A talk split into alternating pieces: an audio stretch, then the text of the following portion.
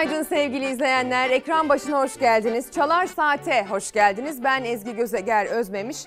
Aybuke Kurt'la birlikte bugün size e, Türkiye'den ve dünyadan haberlerimizi aktaracağız. Bugün itibariyle takvim yaprakları 21 Haziran'ı gösteriyor. Güzel bir gün olsun efendim. Siyasette pek çok gelişme var. Salı günü grup toplantısında konuşan Kemal Kılıçdaroğlu'nun sözleri yeni bir mesaj verdi. Yeni bir yaklaşım sinyalini gösterdi. Pek çok siyasi kulis artık CHP'deki değişimi daha derinden tartışır hale geldi. Mecliste 28. dönemin ilk tartışması akşam saatlerinde gerçekleşti. AK Partili, İyi Partili ve CHP'li isimler aslında vize konusundaki Avrupa'nın ve Amerika'nın bize üstü örtülü uyguladığı ambargoyu tartışacakken mesele tek adamın kim olduğuna dair bir tartışmaya dönüştü. Bu meclis tartışmasını da siftah niteliğinde bu sabah saatlerinde size aktaracağız.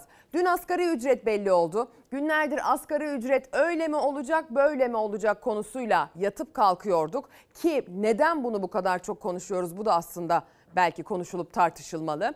Buraya neden sıkıştırılıyoruz? Hep bu köşede neden sıkışıp kalıyoruz? Dün itibariyle asgari ücret 11.402 lira olarak belirlendi. 11.402 lira olarak belirlenen asgari ücretten sonra kim ne dedi, bunu ne kadar yeterli buldu, siyasi kulisler bunu nasıl tartıştı? Bundan da bahsedeceğiz. Biliyorsunuz Ergün Atalay bu süreçte gerek Cumhurbaşkanı Erdoğan'la yaptığı görüşmede gerekse önceki asgari ücret süreçlerinde aktif rol alan bir isim Türk İş Başkanı. Asgari ücret konusunda Cumhurbaşkanı Erdoğan'la görüştükten sonra muhtemelen bu iş %50 e, ihtimalle bugün çözülür dedi ve gerçekten dediği gün içerisinde rakam belli oldu Ergün Atalay'ın. Ama dün akşam saatlerinde yaptığı açıklamada aslında o pazarlık masasında olmaması gerektiğini dile getirdi. Daha evvel de söylemişti. Bizim sendikalılarımızın taş çatlasa yüzde biri asgari ücretlidir. Benim burada ne işim var diye. Bir de yeterli buldu asgari ücreti. Bir de bunun yanı sıra tepki çekecek bir takım sözlere de yine imza attı. Siyasette tartışmanın sonu gelmiyor. Biz o yüzden konuyu biraz gerçeklere de getirmeye gayret edeceğiz. Çünkü siyasetin günlük tartışmaları içerisinde o kadar çok boğulup kalıyoruz ki gerek Türkiye'deki gerçek meseleleri hayatımıza direkt temas eden, bizi yakından ilgilendiren mevzuları ıskalıyoruz, gerekse dünyayı ıskalıyoruz. Kendi içimizde sıkışıp kalıyoruz. Korku iklimi içerisinde herhangi bir şey söylemeye zaten korkar hale geldiğimiz şu günlerde biraz daha vizyonumuzu genişletmek için özel çaba sarf etmemiz gerekiyor. Biz de bugün hayatımızın tam ortasındaki meselelerden birine dikkat çekeceğiz. Deprem diyeceğiz. Biliyorum deprem meselesi ekran başındaki pek çok insanda çaresizlik duygusunu beraberinde getiriyor. Hele bir de 6 Şubat'ta Kahramanmaraş merkezli depremlerde siz de can kaybı veren, mal kaybı verenlerden biriyseniz ki sayıca hiç az değilsiniz ekran başında sizin için bambaşka anlamlar ifade ettiğini biliyorum. 99'da yaşadığımız o büyük depremden sonra sizin için depremin bambaşka anlamlar ifade ettiğini biliyorum. Hele bir de o bölgedeydiyseniz. Şimdi dolayısıyla biz hem depremzedeler hem de potansiyel depremzedeler olarak bu mevzuyu göz ardı edemeyiz. Türkiye geçtiğimiz yıl içerisinde öyle bir yıl yaşadık ki biz önce deprem sonrasında seçim ve beraberinde pek çok sarsıntıyı aslında hem siyasi olarak hem ekonomik olarak yaşadık. Ama buncasına büyük bir deprem yaşamış olmamıza rağmen Cumhuriyet tarihinin en büyük afetinin felakete dönüştüğünü gözyaşları içinde günlerce gözümüze uyku girmeden takip etmiş olmamıza rağmen cebimizdeki son kuruşa kadar nasıl yardım edebiliriz diye kafa patlatmış olmamıza rağmen sonrasında bir seçim gündemi deprem meselesi rafa kalkmış durumda.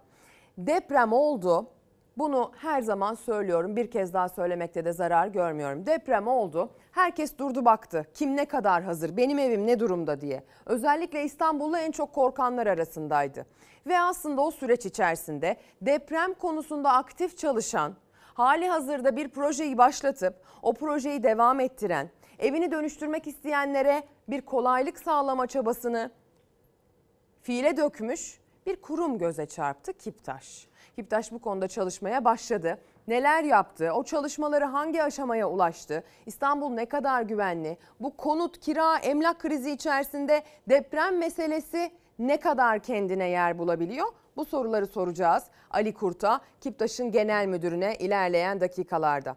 Hadi gelin gazeteleri de görelim. 21 Haziran 2023'ün gazetelerine hava durumuna dair bir başlıkla başlayacağız. Bir gün gazetesi her damla sele dönüyor başlığını atmış son günlerde yaşadığımız sağanaklara. Haziran ortasında yurdun büyük bölümünde güneş yüzü görülemiyor. İklim krizinin sonucu aşırı yağışlar ülkenin büyük bölümünde su baskınları ve sellere yol açtı. Sakarya, Düzce, Bartın'da köprüler sulara gömüldü. Bazı ilçelerde dere yatağındaki evler boşaltıldı. Elektrik kesintisi, trafikte aksamalar yaşandı. Dün sabah saatlerinde tam da şu saatler itibariyle Batı Karadeniz'le Doğu Marmara'nın birbirine temas ettiği adreslerde yani gazetede de belirtildiği üzere Sakarya, Düzce, Bartın'da kuvvetli sağanak yağış beklendiğine dair uyarılarımızı buradan biz de dile getirmiştik. Pek çok meslektaşımız gibi meteorolojinin e, devlette çalışan, Meteoroloji Genel Müdürlüğü'nde çalışan tahmin dairesindeki meslektaşlarımız gibi. Ve gerçekten beklendiği gibi oldu. Her damlası sağanak şeklinde düştü. Yer yer sele, yer yer taşkına dönüştü ve her yerde mağdur etti, kayıp yaşattı. Var yıkıldı. Burası Ankara. Türkiye günlerdir kuvvetli yağışların neden olduğu selle mücadele ediyor. Heyelanlar, taşan dereler, su baskınları, fırtına, meteoroloji kuvvetli yağmurun 10 ilde bir kez daha sele neden olabileceği uyarısında bulundu. Ay duvar yıkıldı. Ankara'da sağanak sonrası bir binanın istinat duvarı gece kondunun üzerine çöktü. Gece konduda yaşayan 7 kişilik aile felaketten yara almadan kurtulmayı şans eseri başardı.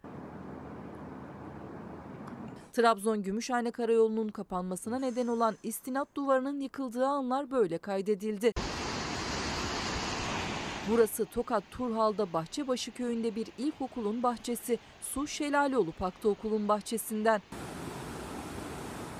Meteorolojinin uyardığı illerde sel yıkımlara neden oldu. Düzce'de sağanak yağış nedeniyle iki köprü yıkıldı. Ordu, Samsun ve Zonguldak'ta derelerden taşan su yollara, evlere doldu.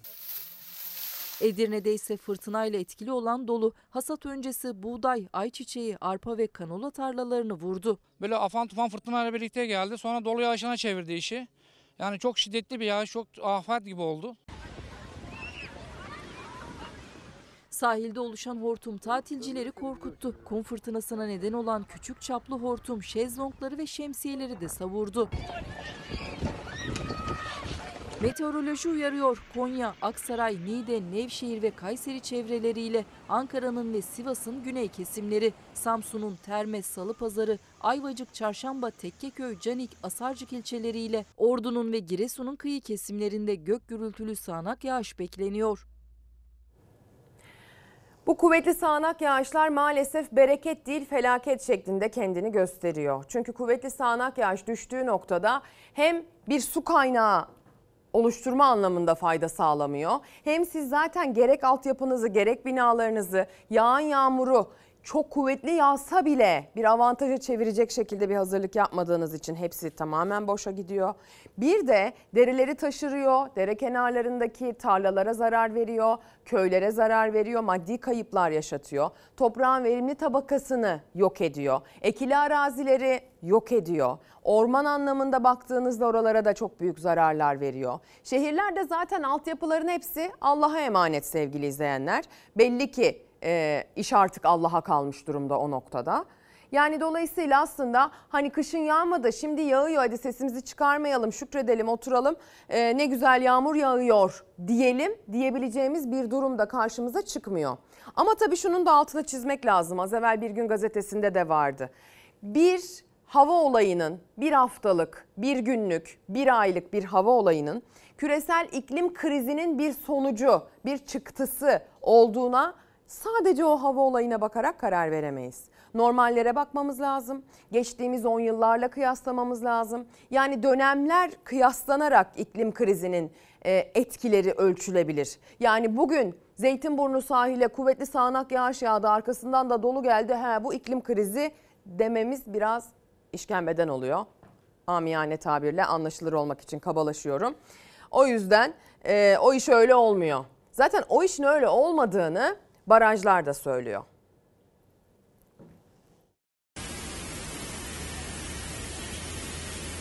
Tüm Türkiye'yi etkisi altına alan görülmemiş yağışlar vatandaşları zor durumda bıraktı. Bazı bölgeler suda bereketi yaşadı ancak başta İstanbul olmak üzere barajların durumunda beklenen olmadı. Olmadığı gibi son yılların en düşük seviyesinde kaldı.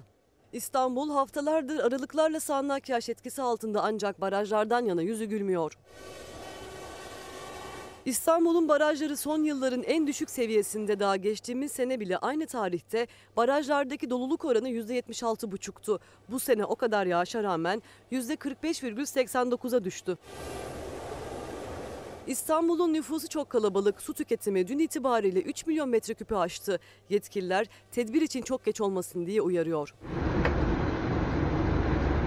Trakya'da şiddetli yağışlardan en çok etkilenen bölgelerden 14 baraj bulunuyor toplamda. Mevsimsel yağışlardan barajlar ne yazık ki nasibini alamadı.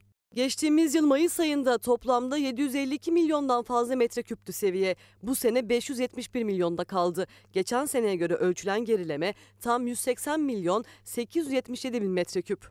Trakya bölgesinde en çok su kaybının yaşandığı yerde Kırklareli. Sivas'tansa sevindiren haber geldi. Geçen sene kurumasına ramak kalmıştı Serpincik Gölü'nün. Şimdi ise doluluktan taşma noktasına geldi. Sivas genelinde baraj ve göl seviyelerinde artış yüzleri güldürdü. Serpincik göletimizin ilk defa bu kadar dolu olduğunu şahit olduk. Kuruduğu zamanlarda denk gelmiştik. Tabii ki bölgesel etkileri farklı. Bazı e, doğal ya da yapay su kaynaklarında, göl ya da, ya da göletlerde seviye artmış olabilir. Ama yeraltı su kaynaklarının hangi seviyede olduğu çok önemli. O yeraltı su kaynaklarının düzenli, tertipli, kayıtlı bir şekilde kullanılıp kullanılmadığı ya da kaçak kuyuların bir şekilde e, devletin denetiminin dışında su kullanarak yeraltı, yeraltı su kaynaklarıyla ilgili verileri alt üst ettiği mi bir durum var. Yani bunların hepsine bakılması gerekiyor sevgili izleyenler. Bugün bir yerde işte kuşlar geri döndü göle. Öbür tarafta flamingoların yavruları cik cik demeye başladı. Tamam güzel bunlara sevinelim. İşte Sivas'ta bir e, X gölü dolmuş. E, Yozgat'ta Y gölü kurumuş. Yani bunlara bütüncül bakmamız gerekiyor. Sevindiğimiz noktalar var ama bu sevinç böyle bundan sonra bu işi hallettik noktasında bir sevinç değildir. Bunun altını çizmek lazım. Bu arada Dün itibariyle asgari ücret belli oldu. CHP'ye dair değişim tartışmaları dün mecliste ayyuka çıktı. Birazdan o konuya geleceğiz. Kemal Kılıçdaroğlu grup toplantısında ne diyecek diye merakla bekleniyordu. Verdiği mesajlar çok dikkat çekiciydi. Bu ve buna benzer pek çok başlık var. Mesela asgari ücretin geldiği seviye öğretmenlere kafa tutar hale geldi. Yani öğretmen maaşına çok ciddi kafa tutuyor. Yeni başlayan bir öğretmenin maaşından daha yüksek artık asgari ücret. Öğretmenler bu konuda ne düşünüyorlar? Sizler yeni asgari ücretle ilgili ne düşünüyorsunuz? CHP'deki değişimle ilgili ne düşünüyorsunuz? Aslında bunları değil, şunu konuşmamız gerekiyor dediğiniz ne var? Çalar Saat başlığının altında sosyal medyadan bize yazıp gönderebilirsiniz diyelim. Hadi gelin CHP'deki o değişim sinyalini şöyle bir büsbütün e, inceleyelim. Yeni Çağ Gazetesi de incelemiş. Biz para getirecektik bunlar tefeci getiriyor demiş bir başlıkta bugün Yeni Çağ gazetesi ilk sayfadan genişçe yer vererek. CHP Genel Başkanı Kemal Kılıçdaroğlu partisinin grup toplantısında konuştu. Kılıçdaroğlu Merkez Bankası'nda bir Merkez Bankası'na da birini getirdiniz Amerika'dan. Koskoca Merkez Bankası'nda bu işleri bilen birisini bulamadınız mı? Bulurlar ama uluslararası tefeciler bunları istiyor. Bu beka sorunudur. Tefeciler %40 faiz almak istiyorlar. E ne oldu Nas? Ne oldu ahlak? Londra'daki tefeciler niye gelsin? Biz sermaye getirecektik dedi. Kılıçdaroğlu 11.402 lira asgari ücret makul bir rakam mı? Beni şaşırtan Türk İş Başkanı'nın buna hiç itiraz etmemesi. İşçinin hak aramak, işçinin hak aramak ilk önce sendikanın görevidir. Hakkını aramak galiba o. Olağanüstü bir artış yapmayın tamam ama 15 lira olsun dedik. 15 bin lira herhalde. Bu da kabul görmedi ifadelerini kullandı. Kılıçdaroğlu Erdoğan hala İstanbul'u nasıl alabilirim arayışında. Daha düne kadar İstanbul'a biz ihanet ettik diye açıklaması var. İhanete devam etmek istiyor diyor Kemal Kılıçdaroğlu. Pek çok konu başlığında mesajlar verdi. Dün CHP o grup toplantısından bir kesiti aldı. Biraz işledi Sonra sosyal medya hesaplarından paylaştı. Yani aslında CHP'nin ve Kemal Kılıçdaroğlu yönetiminin asıl vermek istediği mesaj o derli toplu videodaydı. İzliyoruz. Dünyada hangi devlet sömürgelerde dahil dolar bazında yüzde 40 faizi verir? Verecekler. Göreceksiniz. İşte bu beka sorunudur değerli arkadaşlar. Faizi indirmeyeceğim diyordun değil mi? Uluslararası tefeciler bastırdılar ve kabul ettirdiler. Yükselteceksin. Yerel seçimlerden sonra da 40'a çıkaracaksın. Tefeci niye gelsin Türkiye'ye? Londra'daki tefeciler niye gelsin? Bir devletin bu şekliyle borçlanmasının nasıl bir beka sorunu yarattığını tarih bilenlerin tamamı bilir. Bunlar Türkiye'yi bu batağın içine soktular. Türkiye'yi bu hale getirip uluslararası tefecilere teslim edenlerde vatan sevgisi toplu iğne ucu kadar yoktur. Yaptıkları şu. Türkiye Cumhuriyeti Devleti'ni onların adamlarıyla yani yabancıların adamlarıyla uluslararası sermaye güçlerinin sömürüsünü açmaktır. Ama hiçbirimizin umutsuzluğa kapılma hakkı da yoktur, yetkisi de yoktur. En zor koşullarda Türkiye'yi aydınlığa çıkarmak bizim görevimizdir. Tarihin bize yüklediği bir görevdir. Açık ve net söylüyorum. Değil altılı masa Türkiye'nin aydınlığa çıkması için gerekirse 16'lı masa kuracağım. Yeter ki Türkiye aydınlığa çıkaralım. Ve bu Duyun Umumiye kabinesini mutlaka ama mutlaka göndereceğiz. Bunun onuru 25 milyon kişiye ait olacak. 25 milyon. Yani bu altılı masa 16'lı masa cümlesinden sonra aslında Kemal Kılıçdaroğlu değişimin önünü sonuna kadar açacağım diyordu ya. İşte o noktada aslında durduğu yer tam olarak anlaşılmış oldu. Yani dün itibariyle pek çok gazeteci, pek çok siyasi isim bunu bu şekilde yorumladı. Altılı masa üzerinden en çok eleştiri alıyor CHP. Altılı masanın işte sağ kökenli, merkez sağ kökenli bileşenlerinin bu birlikteliğin bir işe yaramadığının çok fazla altı çiziliyor. Özellikle şu an Kemal Kılıçdaroğlu'na dair değişim, değişim, değişim diyenler tarafından. Altılı masa konusunda zaten aslında akla takılan soru işaretlerinden bir tanesiydi. İçeride sağ kökenli partilerin olması, AK Parti çıkışlı isimlerin olması.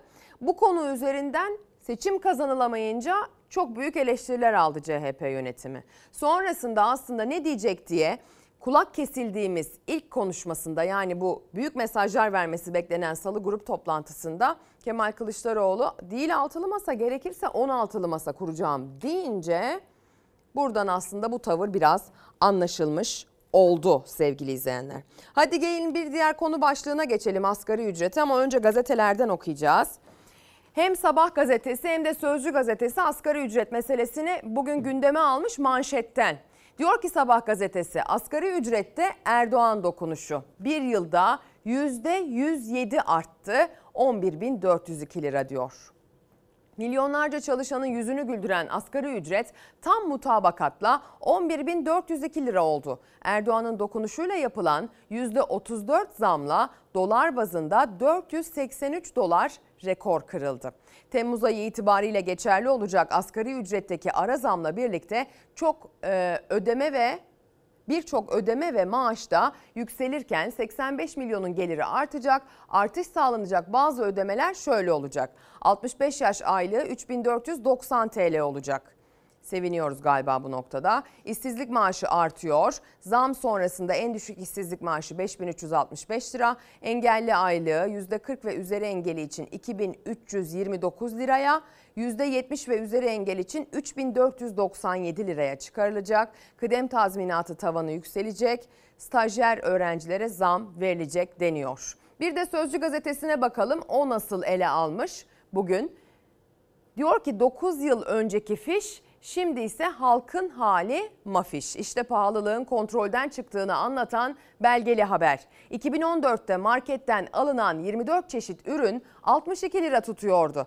Aynı ürünleri bu yıl aldık 580 lira tuttu. Artış 9,5 kat. Fiyatlar hala da artıyor. Milletin hali mafiş yani bitik. Bakın domates alınmış 2014 yılındaki market fişinde 2 lira 38 kuruş ödenmiş. Bu yıl aynı domatese 30 lira verilmiş. Patates 5 lira bu yıl 32 liraya çıkmış. 2014'teki 50 kuruşluk soğan bu yıl 5 lira yani yaklaşık 6 liraya çıkmış. Su 1,5 litre 1 lira 80 kuruşmuş 2014'te bugün 14 lira. 1 litre süt 1 lira 65 kuruştan 37 liraya, ketçap 2 liradan 25 liraya, ayçiçek yağı 4 liradan 37,5 liraya, Doritos 1 1,95'ten 19,75'e çıkmış.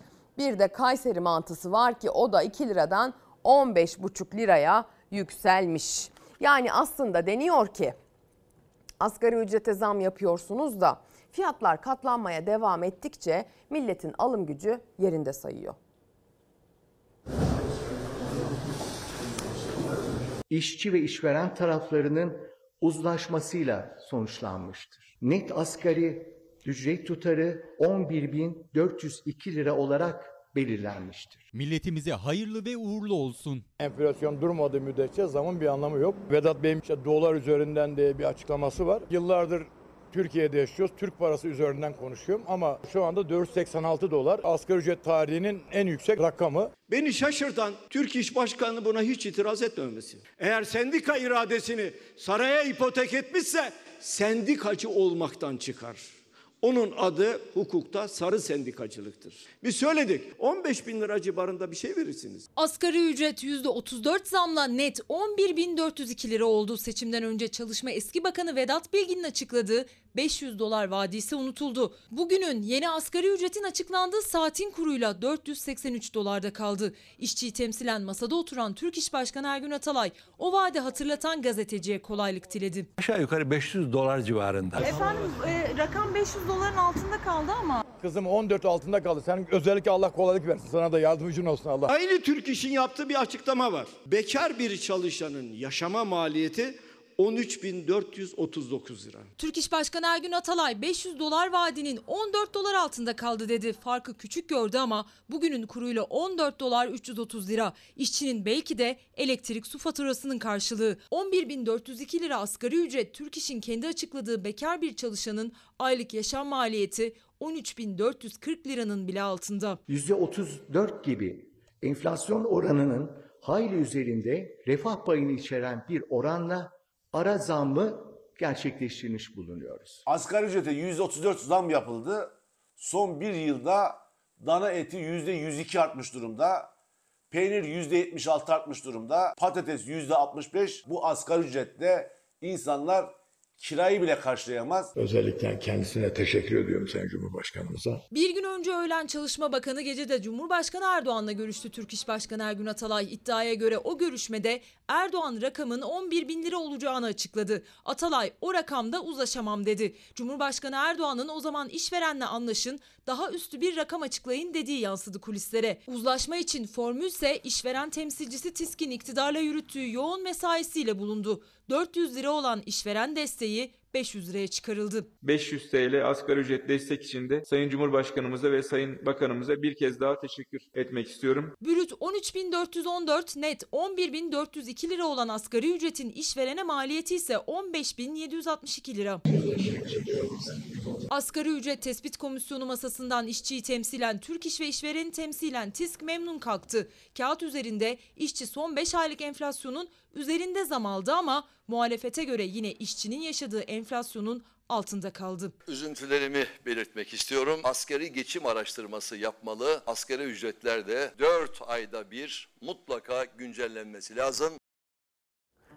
Dün sabah erken saatlerde buradan bir zam haberi aktarmıştık size. Dev bir zam geldi ama asgari ücrete değil diye. Şimdi onun haberini getireceğiz ekrana. Yeni Çağ gazetesi de yaklaşan zamlardan dem vurmuş bugün manşetinde. Asgari ücret arttı, yeni zamlar yolda. İlan edilen %34 artışlı yeni asgari ücretin 1 Ağustos'ta çalışanın eline geçene kadar pusuda bekleyen zamlarla ne kadar eriyeceği merak konusu. Bu kez Cumhurbaşkanı Erdoğan yerine asgari ücreti Çalışma ve Sosyal Güvenlik Bakanı Vedat Işıkhan açıkladı. Asgari ücret tespit komisyonu toplantısı sonrası Işıkhan asgari ücretin brüt 13 bin 14 net 11.402 liraya yükseltildiğini duyurdu. Işıkhan asgari ücret desteğinin de 500 TL olarak 6 ay daha uygulanmaya devam edeceğini söyledi deniyor. İstihdamın zorlaşması, brüt asgari ücretin işçi payı e, üzerinden değerlendirilmiş bugün Yeni Çağ Gazetesi'nin ilk sayfasında. İşte etkilenenler şeklinde bir liste de var. En düşük işsizlik maaşı e, ve buna benzer az evvel Sabah gazetesinden de okuduğumuz emeklilik, e, stajyerler, SGK bunlara dair bir liste aktarılmış sevgili izleyenler bakacağız. Şimdi isterseniz o dedik ya hani dev zam geldi ama asgari ücrete değil diye motorun zammına bir bakacağız şimdi. Zam olmayan bir günümüz yok ki. Her gün zam, her gün zam. 19 liradan 23 liraya ne kadar nasıl çıktı bu kadar? Artık nasıl yapacağız biz de bilmiyoruz. Vallahi çok yükselmiş. Mazot çok pahalı. Mecburuz çalışmaya da. Çalışmasak da olmuyor ki. Dolarla bir. Yani bir dolar denk geliyor yani. Hep dolarla geldiği için Türkiye'ye. 1 doları da geçti motorinin fiyatı. 1 lira 64 kuruşluk zamla litresi 23 lira 87 kuruşa yükseldi. Asgari ücret zam geldi ama asgari ücretli zor biner yani bir araca. Aylık en az 4-5 bin TL veriyorum ben yakada. Önceden bir buçuk, iki geçmiyordu. Yani şu an iki katı. Artık zamlar kuruşla değil lirayla geliyor. Motorine 2 liraya yakın zam geldi. 1 lira 64 kuruş zamlandı. Bu da bir gecede depoda 90 lira zam demek. Bir depoyu son dönem dolduramıyorum yani. Önceden e, bir depo mezunu 500 liraya 400'e dolduruyorduk. Şu an 1000 liraya dolduramıyoruz. Dolar kurunun artması hem ekonomiyi hem de maaşlarımızı eritiyor yani. Zamdan önce bir depo motorin 1222 liraydı. Artık ortalama bir depo 1312 liraya doluyor. Karşılamıyoruz ama ne yapalım? Kredi karttan oradan buradan böyle çekip Dolar artarsa mazot da artar. E, seçim bitti. Başladı zamlar. Normaldir.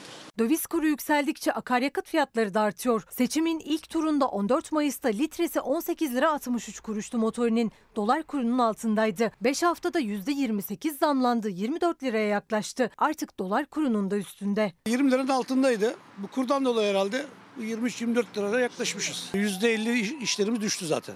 Bu nakliyeden dolayı bu fiyatlar çünkü çok yani karşı tarafı etkiliyor. Motorine gelen zamlar nakliye maliyetlerini artırdığı için iğneden ipliğe zam olarak geri dönüyor tüketiciye. Üstelik motorinin fiyatı arttıkça vergisi de yükseliyor. 1 litre motorinden 6 liraya yakın KDV ve ÖTV alınıyor. Nakliyeciye de traktöründe mazot kullanan üreticiye de indirim yok. Vergilerle devletin kasası dolmaya devam ediyor. Etkiliyor tabii. Pahalılıktan dolayı ben yani götürüp müşterime ben de sebze meyveyi pahalı verirsem mazottan dolayı pahalı gidiyor onlara. Bak 400 TL ödedim şimdi 400 TL ödedim. İnan Allah iki güne yetmez. Yani günde 200 milyon buraya bir mazot yiyor. Yani boş bile gelse yetmiyor yani. Mızrap Cihangir kullanıcı adıyla bir izleyicimiz diyor ki ne zaman vatandaşa bir müjde verseler katmerli zam geliyor ve vergiler katlanıyor demiş. Mehter maaşı talep etmiş mesajının sonunda.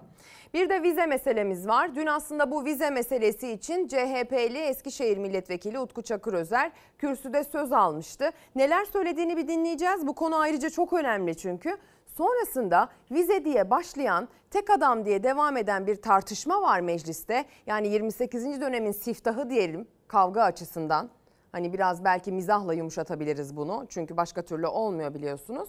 Ona bakacağız ama önce vize meselesi.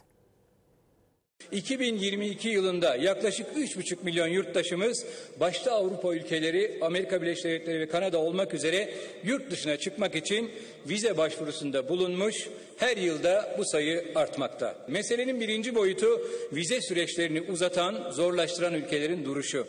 Türkiye'den yapılan başvurulara yönelik açık bir tavır var.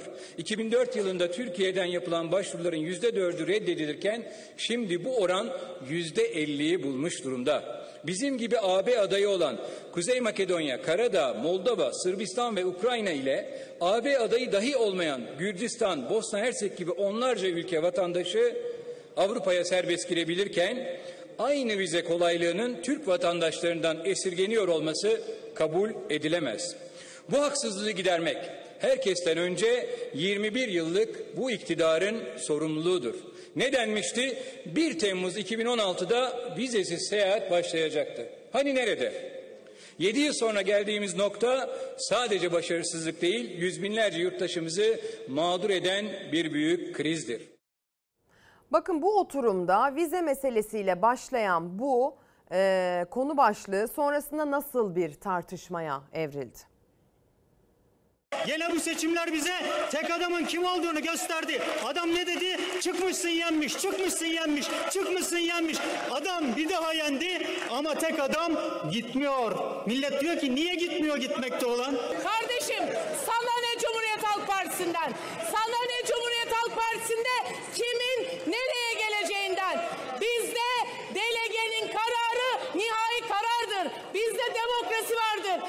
Sizde il başkanı, ilçe başkanı hatta mahalle temsilcisi olabilmek için bile yukarıdan icazet alırsınız. Vize tartışması tek adam tartışmasına döndü. Konu CHP'deki değişim atmosferine kadar geldi. Vekillerin tartışmasında kılıçlar çekildi. 28. dönemin ilk meclis gerginliği yaşandı. 2004 yılında Türkiye'den yapılan başvuruların %4'ü reddedilirken şimdi bu oran %50'yi bulmuş durumda. Bu insanlarımız konsolosluk kapılarında büyük çileler çekmekte. Randevuyu almak için dahi aylarca bekliyorlar. Yine bu seçimler bize tek adamın kim olduğunu gösterdi. CHP Eskişehir Milletvekili Utku Çakır Özer vize redlerini kürsüye taşıdı. İyi Parti Balıkesir Milletvekili Turhan Çömez destek verdi. AK Parti İstanbul Milletvekili İsmail Emrah Karayel ise Çömez'in AK Parti ile yollarını ayırdığı süreci hatırlattı. Konuyu CHP'deki yönetim değişimi gündemine getirdi. Geçtiğimiz dört sene boyunca bu kürsüden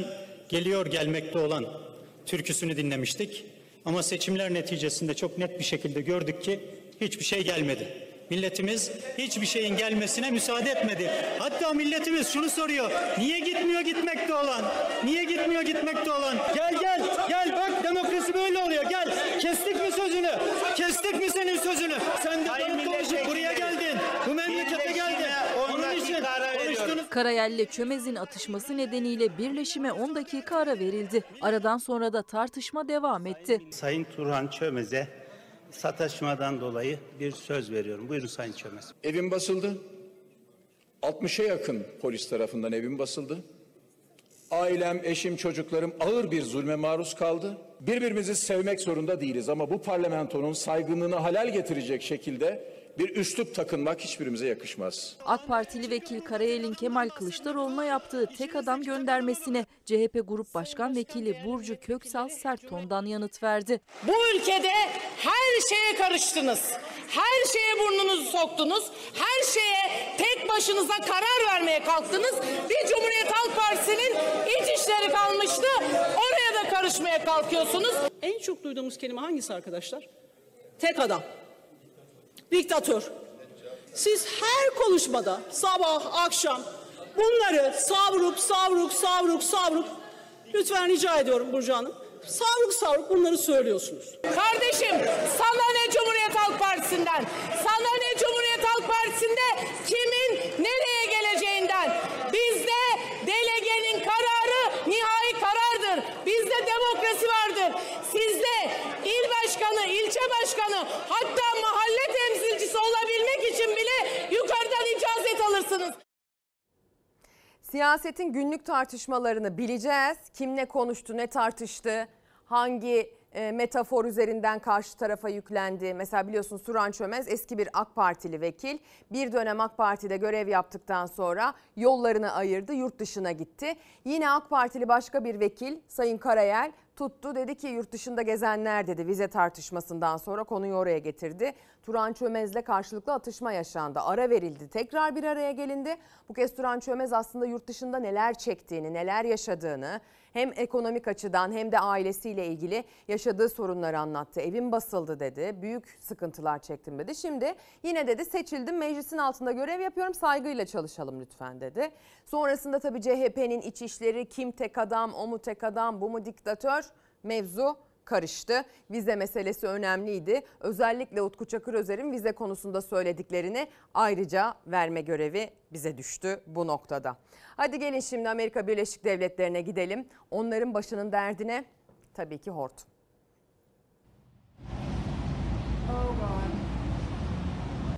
Yo, yo. Kasırga ve hortum Mississippi'yi yıkıp geçti. Yüzlerce ev yıkıldı. On binlerce kişi elektriksiz kaldı. Amerika Birleşik Devletleri son dönemde birbiri ardına doğal afetlerle sarsıldı. Bir yanda aşırı yağış ve sel, diğer yanda kasırgalar etkili oldu. Yeah, you see. Felaketin adresi bu kez Mississippi eyaletiydi. Ülkenin güneydoğusundaki eyaleti son 48 saat içinde kasırga ve hortum vurdu. I was just about to go home. Oh my God. Şiddetli rüzgar çatıları uçurdu, elektrik hatlarını koparttı, ağaçları devirdi. 50 binden fazla kişi elektriksiz kaldı.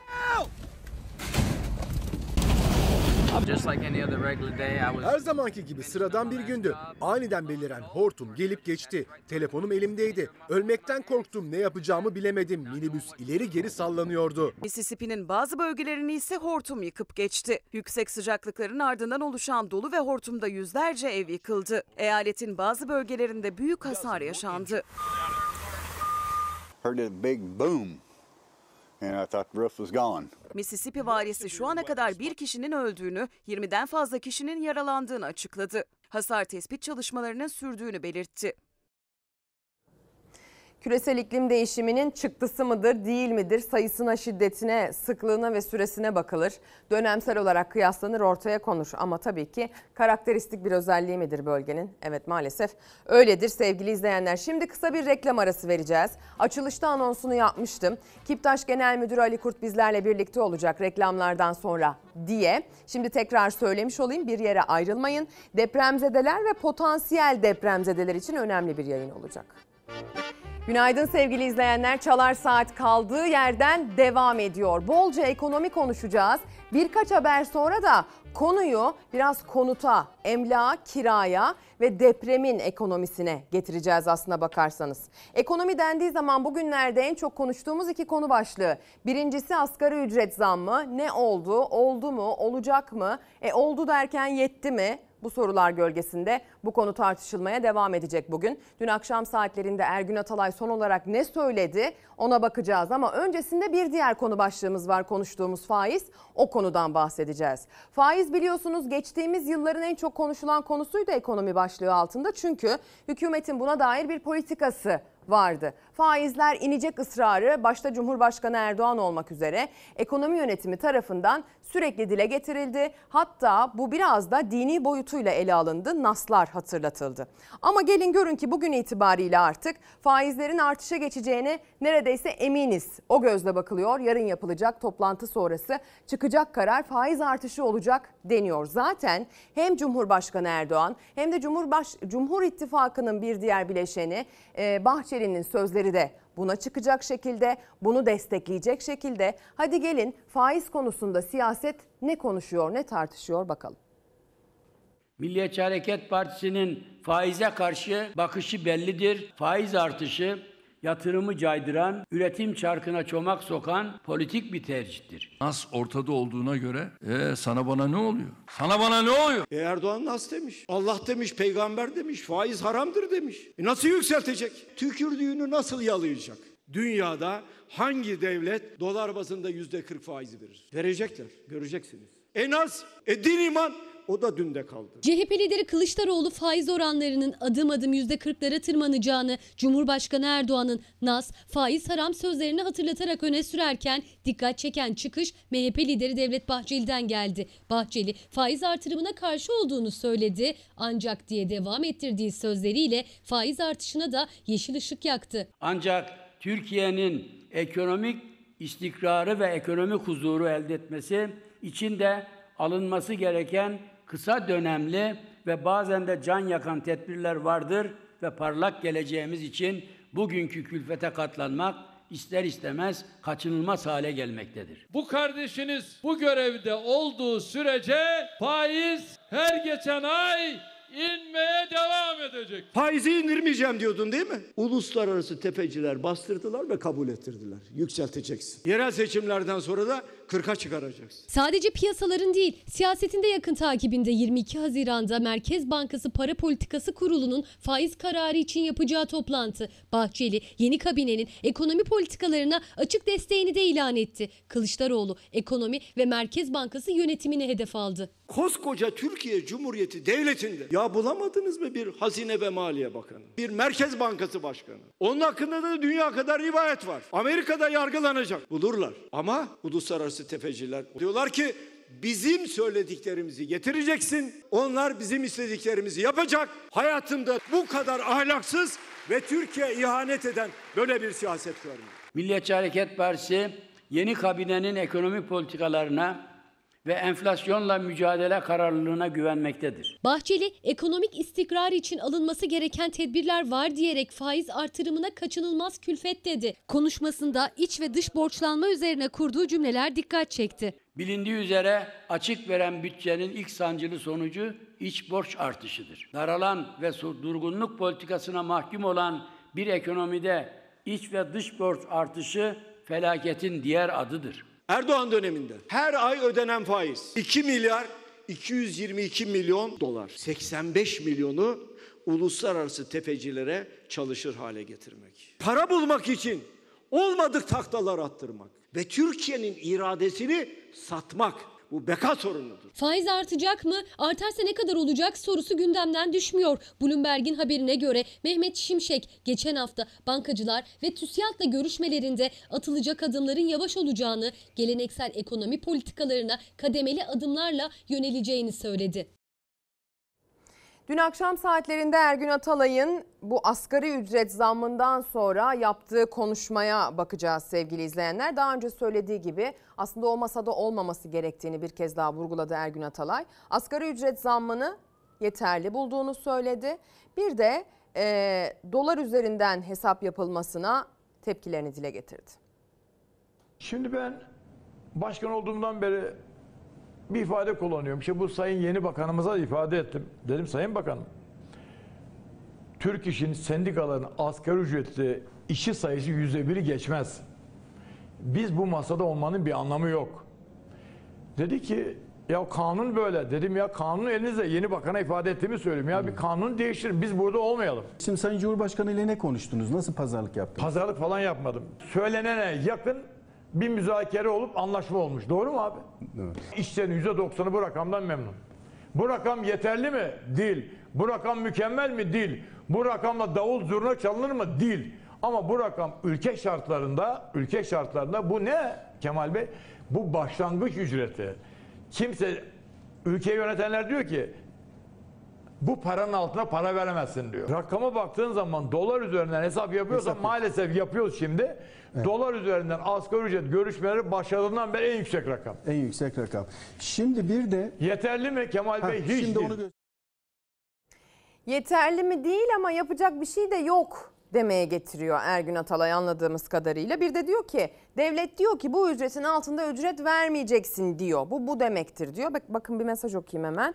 Nabi Bey göndermiş. Bazı asgari ücretten e, yüksek olan emekli maaşları şimdi asgari ücretin altında kaldı ve daha da oran düştü. Emeklilere intibak düzenlemesi neden yapılmaz diye sormuş. Bir de bu işin böyle bir boyutu var. Yani devlet böyle bir şey söylüyorsa da kendi söylediğini kendisi yapmıyor galiba öyle anlaşılıyor. Haydi gelin bir de CHP kulislerine bakalım. CHP'de değişim tartışmaları devam ediyor. Yanlış yaptığımız şeyler var, eksik yaptığımız işler var. Bunları yaptığımız için seçim kaybediyoruz. Kazanmamız lazım artık. Kılıçdaroğlu'nun baba oğul arasındaki saltanat kavgasından nasıl çıkacağı da ayrı bir merak konusudur. Hiçbirimizin, hiçbir Cumhuriyet Halk Partili'nin umutsuzluğa kapılma hakkı da yoktur, yetkisi de yoktur. En zor koşullarda Türkiye'yi aydınlığa çıkarmak bizim görevimizdir. Değişimle ilgili fikrim net. Değişim tabii ki olmak zorunda. Cumhurbaşkanlığı seçimlerinden sonra CHP'deki genel başkan değişimi tartışmaları yüksek perdeden dile getiriliyor. Kurultay öncesi İstanbul Büyükşehir Belediye Başkanı Ekrem İmamoğlu, CHP'de bayram öncesi değişim hamlesinin yol haritasını beklerken gözler CHP grubunda Kemal Kılıçdaroğlu'nun açıklamasına çevrildi. Kılıçdaroğlu üstü kapalı kurduğu cümleyle adeta değişim değil yola devam mesajı verdi. Değil altılı masa. Türkiye'nin aydınlığa çıkması için gerekirse 16'lı masa kuracağım. İttifakımız sürüyor, görevimiz devam ediyor. Ee, İnşallah bundan sonra muhalefetteki ittifaklar genişleyerek ama mutlak hedefe odaklı ittifaklar. Yerel seçimler için Kılıçdaroğlu ile İmamoğlu'nun ittifak vurguları ortaktı. Ama İmamoğlu cephesinde beklenti değişim rotasıydı. CHP bir gün önce MYK sonrasında zamanı belirtilmeyen kurultayı işaret edip CHP grubu ve belediye başkanlarının yerel seçimlere odaklanmasını istemişti. Kılıçdaroğlu'ndan yeni bir işaret gelmedi. İmamoğlu dikkatli bir üslupla beklentiyi hatırlattı. Parti hiyerarşisi içerisindeki saygıya aykırı asla hareket etmedim, etmem. Vatandaşa karşı sorumluluğumuz her şeyin önündedir. En doğru zamanda, en doğru uslupla, en doğru şekilde kamuoyuyla paylaşmaktan da geri durmam. Zamanı geldiğinde çok geç olmadan olmak zorunda. Buna dönük çalışmalarımız sürüyor. Geçen hafta kalemini satan demiştim. Belki öyle bir ifade kullanmasam da olurdu. Ama iradesini saraya ipotek edenler varsa bunu eleştirmekte benim en doğal hakkımdır. CHP'deki değişim tartışmalarını yorumlarıyla eleştiren gazetecilere söylediği geçen haftaki sözlerinden geri adım atan Kılıçdaroğlu'nun hedefinde bu kez de seçim döneminde kendi adaylığını hedef alan iktidara yakın bir gazete vardı. Bir gazete nasıl olur da 3 milyon liraya yakın bir reklamı verir Kılıçdaroğlu Cumhurbaşkanı seçilmesin diye. Yeni Şafak gazetesinden söz ediyorum. Bu nasıl bir gazetecilik anlayışıdır? Nasıl bir ahlak anlayışıdır? 3 milyon lira parayı nereden buldun sen? Kim sana verdi o parayı? Ufukta 10 ay sonra yapılacak belediye seçimleri CHP'nin gündeminde ise hem değişim arayışları tartışmaları var hem de kaybedilen seçimler üzerinden iktidarla hesaplaşması var. İş koltuktan kalkmaya gelince bir gecede nasıl diktatör oldukları anlaşıldı. Bunlar vatandaştan oy ama talimatı dışarıdan alırlar. Vatandaşa her türlü yalanı söylerler. Benimle ilgili de sahte videolar hazırladılar. Çıktılar ve bunu itiraf ettiler montaj diye. Ne oldu bu videolar? Sahte video hazırlayan sahtekar denir. Sahtekardan da Cumhurbaşkanı olmaz. Yaklaşan yerel seçim öncesinde CHP'nin yol haritası nasıl olacak, değişim tartışmalarıyla ilgili net takvim ne zaman açıklanacak henüz net bir açıklama yok.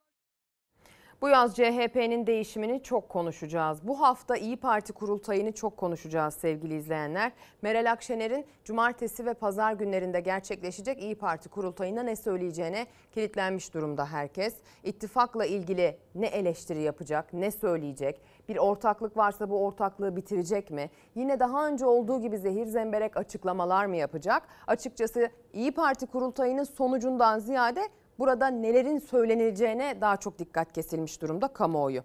Bu yaz ekonomiyi de çok tartışacağız, tartışmak zorunda kalacağız. Çünkü bizzat yaşayacağız içinde bulunduğumuz bu durumun ne kadar derinleştiğini.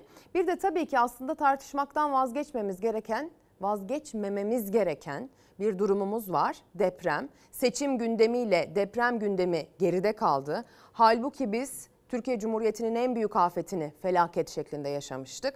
Hazırlıksız yakalanmaktan dolayı pek çok can kaybı ve pek çok mal kaybı verildi. Şehirler yok oldu. Şehirlerin yerine geri gelmesinin yıllar sürmesi bekleniyor.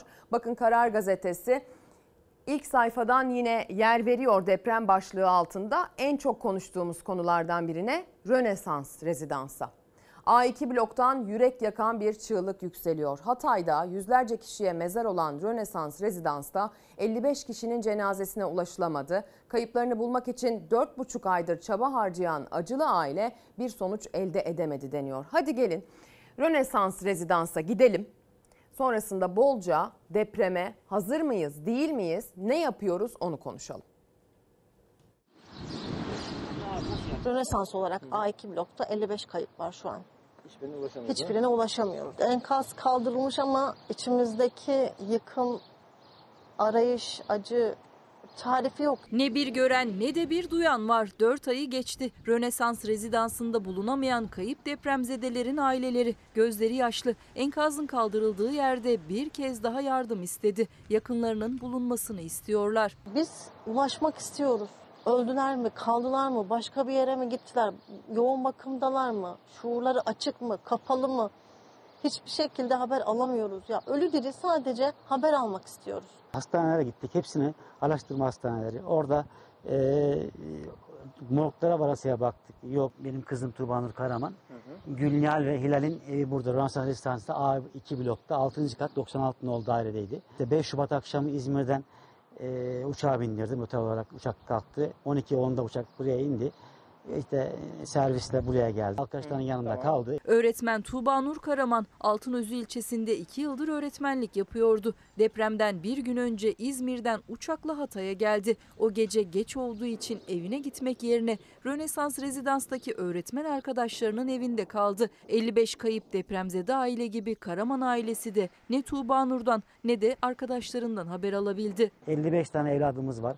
Hepsi bizim canımız, ciğerimiz. Destek Biz istiyorsunuz. destek istiyoruz. Aileler gözlerinde yaş, bir umut enkaza gidiyor. Sesleri duyulsun, bir haber gelsin diye bekliyorlar. Sevgili izleyenler aslında yayını ilk açtığımız andan itibaren anonsunu yapmıştık. İşte şimdi yayınımızın o kısmına geldik. Kiptaş Genel Müdürü Ali Kurt yayın konuğumuz olacak bugün. Biz böyle hem siyaseti konuşmak zorundayız, günlük çekişmeleri ekrana getirmek zorundayız. Zaten aslında toplumsal olarak bilmek de zorundayız ama bunun böyle anaforuna kapılıp e, gerçekleri de unutmamak zorundayız. Siz Kesinlikle. bize gerçekleri hatırlatmaya geldiniz Ali Bey. Hoş geldiniz. Hoş Nasılsınız? bulduk. İyiyim sağ olun. Teşekkür ederiz davetiniz için. Ee, Türkiye'nin deprem gerçeğini bolca konuşacağız. Kiptaş'ın bu konuda geldiği noktayı konuşacağız. Devletten bir destek talebini aslında projeye ilk başladığınız günden bu yana dile getiriyorsunuz. Evet. Bu talebiniz karşılık buldu mu bu soruyu soracağım size. En bilmez tarafımdan. Ee, bolca konuşacağız. Şimdi Rönesans Rezidans'tan buraya geldik. İnsanlar hala sıkıntı çekiyorlar. Bakın mesela bir izleyici mesaj göndermiş. Onu okuyacaktım az önce. Adıyamanlı bir izleyici. Ee, Acıyaman diye tabir ediyor kendi yaşadığı şehri. Artık şehirden geriye de az şey kaldı tabii. Değişen bir şey yok. İnsanlar ekmek, gıda, su kuyruğunda şükürle yaşamaya çalışıyorlar diyor. %70 ile kendi kaderini kabul eden topluma bizden de saygı duymak düşer demiş göndermiş. Katılıyorum. Söylediği her şeye ben de katılıyorum. Bugün Cumhuriyet Gazetesi de depremi manşet yapmış. Depremden ders alan yok diyor. 3000 kişinin can verdiği İskenderun'da 12 katlı imar izni verilmiş. Belki bunu da birlikte yorumlarız. Bakın detayı şöyle. Türkiye 6 Şubat depremlerinde büyük yıkım yaşadı. 50 binden fazla yurttaş enkaz altında can verdi. Uzmanlar bölge için doğru zeminde bilime dayalı az katlı binalar yapılmalı dedi. TOKİ 4 kat sınırı getirdi ancak Hatay'da AKP'li İskenderun Belediyesi uyarıları dinlemedi, felaketten ders almadı. Belediye depremden önce onayladığı imar planını 25 Mayıs'ta askıya çıkardı. Depremde 3000 kişinin yaşamını yitirdiği bölgede zemin sıvılaşması görmezden gelindi. 12 kat imar izni verildi. Uzmanlar başlı başına bir hata. Şehirleri ranta açmayı hedefliyorlar. Yeni enkazlar yaratacaklar dedi diyor. Ali Kurt ne der acaba bu duruma? Yani çok üzücü tabii ya. Yani bölgeyi biz deprem sonrası gittik Hatay'a. Gördük o yıkımı. Yani hala bu mantıkta hareket edilmesi çok üzücü. Yani ha, yani ben herkese şunu tavsiye ediyorum. Mutlaka gidip o bölgeleri görmeleri lazım. O yıkımı görmeleri lazım ki o zaman deprem bilinci biraz daha üst seviyeye gider. Özellikle öğrencilerin mutlaka o bölgelerde e, staj yapmasını, zorunlu kılınmasını tavsiye ediyorum. Kamu görevi yapanların mutlaka oralara gönderilmesi gerektiğini düşünüyorum ki bir şey imza atarlarken neyin doğru olup neyin yanlış olduğunu iyi analiz etsinler. İmzalarının sonucunun neye sebep olabileceğini görsünler. Gerçekten olağanüstü bir yıkım var ve maalesef e, bulunduğumuz bölge itibariyle biz de böyle bir riskle karşı karşıyayız. Ben size deprem mevzusu unutuldu mu diye sormak niyetindeydim. Aslında sorumun yanıtını bu karar verdi. Tabii. Belli ki bölgenin Maalesef. yönetenleri unutmuş. Peki toplum olarak sizce deprem unutuldu mu? Kesinlikle unutulduğunu düşünüyorum. Türkiye'nin zaten gündemi o kadar yoğun ki sürekli gündem gündem üstüne geliyor. Bir de seçim sürecini yaşadık. Ee, maalesef unuttuk. Vatandaşın da tabii e, çaresizliği, karar vericilerin, merkezi yönetimin, bazı yerel yönetimlerin e, vatandaşa gerekli şekilde el uzatmaması vatandaşa mecburen bu süreci unutturuyor. Ama bu gerçeği mümkün mertebe e, bu bilinci mümkün mertebe üst seviyede tutmamız lazım. Ben o yüzden bu tür yayınları çok önemsiyorum. E, Birçok yerde çalıştaylarda çağrılıyoruz. İşimizi gücümüzü bırakıp mutlaka gidiyoruz. Yeter ki şu deprem bilincini birinci gündem maddesi yapalım. Çünkü Türkiye'nin şu andaki en büyük sorunu bu. Artık seçim de bitti. E, siyaset de kendine göre şekillendi. Bundan sonra artık özellikle Marmara bölgesinde bilim insanlarım söylüyor her an olabilir. Burayla ilgili acil bir şekilde tüm tarafların bir araya gelip bir çözüm üretmemiz lazım. Her an büyük felaketle karşı karşıya kalabiliriz. Gerçekten e, Maraş merkezi depremlerin olduğu börgelerdeki yıkımı görseniz e, bunu neden bu kadar hararetli söylediğimi anlarsınız. Evet oraya gidilmesini tavsiye ediyor Ali Kurt. Ee, öyle bir şey ki bu ben de şöyle yorumluyorum aslına bakarsanız. Ya insanlar biraz çaresizlikten de göz ardı Maalesef. etmek zorunda kalıyorlar. Çünkü düşünüyor mesela İstanbul'da bir potansiyel depremzede olabilir ya da deprem kuşağındaki herhangi bir ilde. Bakıyor evim güvenli midir acaba? Buna baktırma imkanım var mı? Kimi belediyeler yardımcı oluyor, kimisi olmuyor. Baktırabilir miyim? İşte parasını verebilir miyim? Evim zaten 40 yıllık baktırsam ne olacak? Demek ki aslında değiştirmem gerekiyor. Değiştirebilecek miyim? Kiraya çıkabilecek miyim? Bunların hiçbirine bir çaresi çözümü olmadığı için ekonomik olarak insanlar bunu göz ardı etmek zorunda kalıyorlar. Evet. Kendi evlerinin bir gün kendilerine tabut olma ihtimalinin aslında pek çok kişi farkında ama kafalarını çevirmek zorunda kalıyorlar başka bir tarafa. konusu. Biraz çaresizlik, biraz evet unutma özelliğimiz de var ama bu sefer çaresizliğin payının biraz yüksek olduğunu düşünüyorum ben. Evet. Ben en başından beri şunu söyledim. Yüzünüz burada diye söylemiyorum. Siz yokken de söyledim. 6 Şubat Kahramanmaraş merkezli depremler gerçekleşti. Büyük bir yıkım yaşandı. Biz burada günlerce ama günlerce saatlerce yayınlar yaptık. Orada yaşananı gizlemeden saklamadan olduğu gibi ekrana taşıyan nadir kanallardan birisi olduk. Ben sadece burada yayınını yaptığım halde aylarca kendime gelemedim bu arada. Yani o psikolojiyi üzerimden atmam mümkün olmadı. Şu an sokakta yürürken bir binaya baktığımda yıkıldığında ne tarafa devrilir acaba diye düşünmekten kendimi alamıyorum. Ya da evin içinde bir an deprem olursa şu an ne yaparım diye korkmaktan kendimi alamıyorum.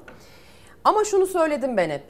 Bu süreçte kim bu konuda çalışma yapıyor? Hali hazırda süren aktif proje ne? Göze çarpan, öne çıkan sizin projeniz. Evet. Kiptaş'ın İBB çatısı altında İstanbul'daki dönüşüm projeleri, bu İstanbul Yenileniyor Evet. projesi. Ee, ne aşamadasınız? Ne kadar yapabildik, ilerleyebildik? Çünkü sadece benim binamın yıkılıp yıkılmaması önemli değil. Komşumun da yıkılıp yıkılmaması benim için önemli. O yol, o ulaşım yani bir bütüncül olarak bu işin içinden çıkabiliriz. Şimdi e, çok güzel özetlediniz Ezgi Hanım. E, sorunları doğru tespit etmezsek çözüm bulamayız. E, geçmişte tabii kamu tecrübem, özel sektördeki tecrübemden, sahadaki yaptığımız çalışmalardan biz sürecin vatandaşın şeffaf bir şekilde müdahil olacağı, yani bize ulaşırken bir aracı gerektirmeyecek şekilde bize ulaşabilmesi ve mümkün mertebe en uygun şartlarda evlerini yenilebileceği bir sistem hayata geçirelim diye yola çıktık. Biz göreve geldiğimiz ilk günden beri 2021 Temmuz ayında da İstanbul Yenileniyor sistemini hayata geçirdik. Ve sistem o kadar büyük başvuru almaya başladı ki Maraş merkezi depremlerden sonra taleplerimiz 3 kat arttı. Çünkü bilinç artınca klasik deprem Korktu zamanı hep herkes. e, daha çok bu işler hareketleniyor, hararetleniyor. Daha daha arttı. Ama biz e, sistemimizi hayata geçirdikten 6 ay, 7 ay, 8 ay sonra merkezi yönetime bir çağrıda bulunduk.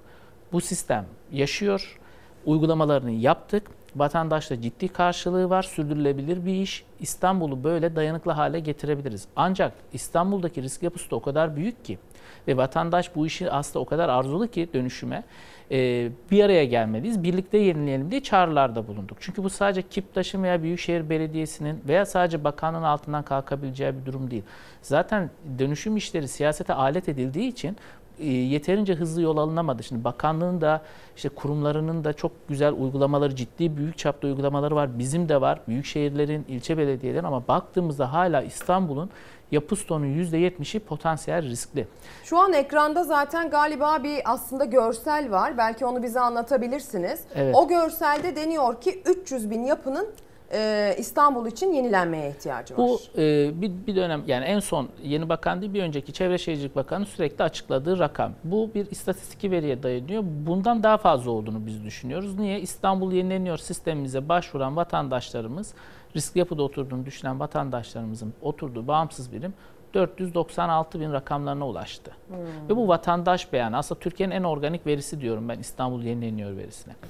E, işin çapı o kadar e, büyüdü ki bunu mutlaka bir araya gelerek çözmeliyiz. Biz ne dedik? Çok iddialı bir söylemde bulunduk. 2000 öncesini potansiyel riskli gördük. 2000 öncesi e, yapılarda oturanlar eğer riskli yapı olduğunu düşünüyorlarsa bulundukları mülkün inşaat maliyetine yenileriz dedik. Ama biz bu işe başladığımızda inşaat maliyetleri metrekaresi 2000-2500 TL iken bugün 19 binlere dayandı. Bu daha da artarak devam edecek maalesef. Hep bunu söylediniz. Ben bunu söylediğimde bana hep kızdılar ve bugün geldiğimizde kamunun yaptığı sosyal konut ihalelerine baksalar bu rakamların çok makul olduğunu görecekler.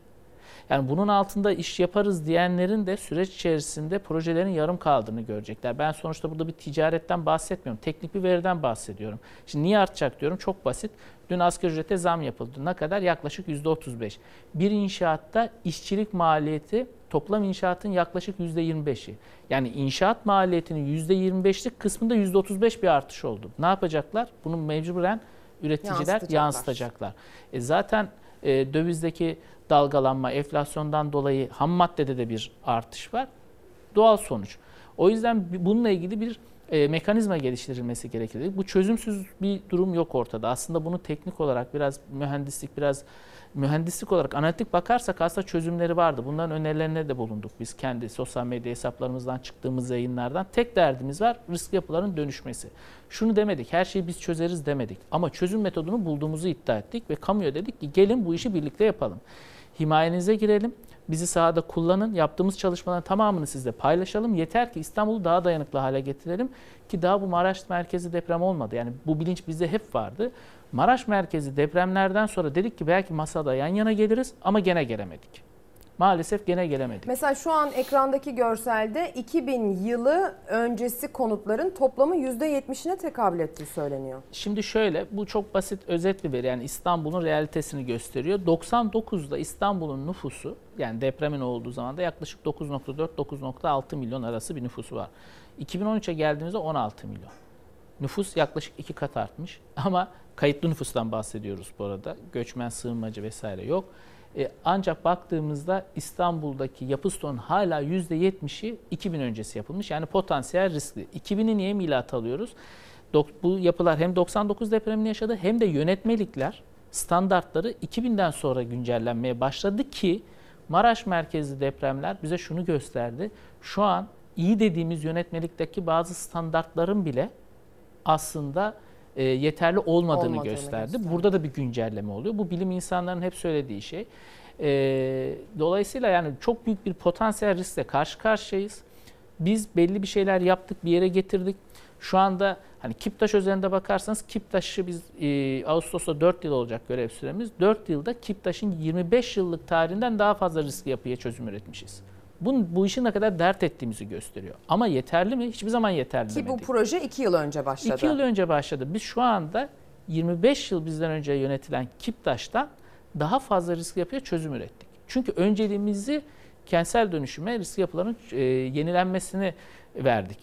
Bu yeterli mi? Değil. Ama biz şunu göstermek istedik. Hep çık çünkü bizim ciddi imkansızlıklarımız var. Hem siyasi çekişmeler, hem ekonomik durumlar, pandemi vesaire bir sürü şey var. Bunları bahane olsun diye demiyorum. Yani sektörün geldiği yer ortada. Rakamlar ortada.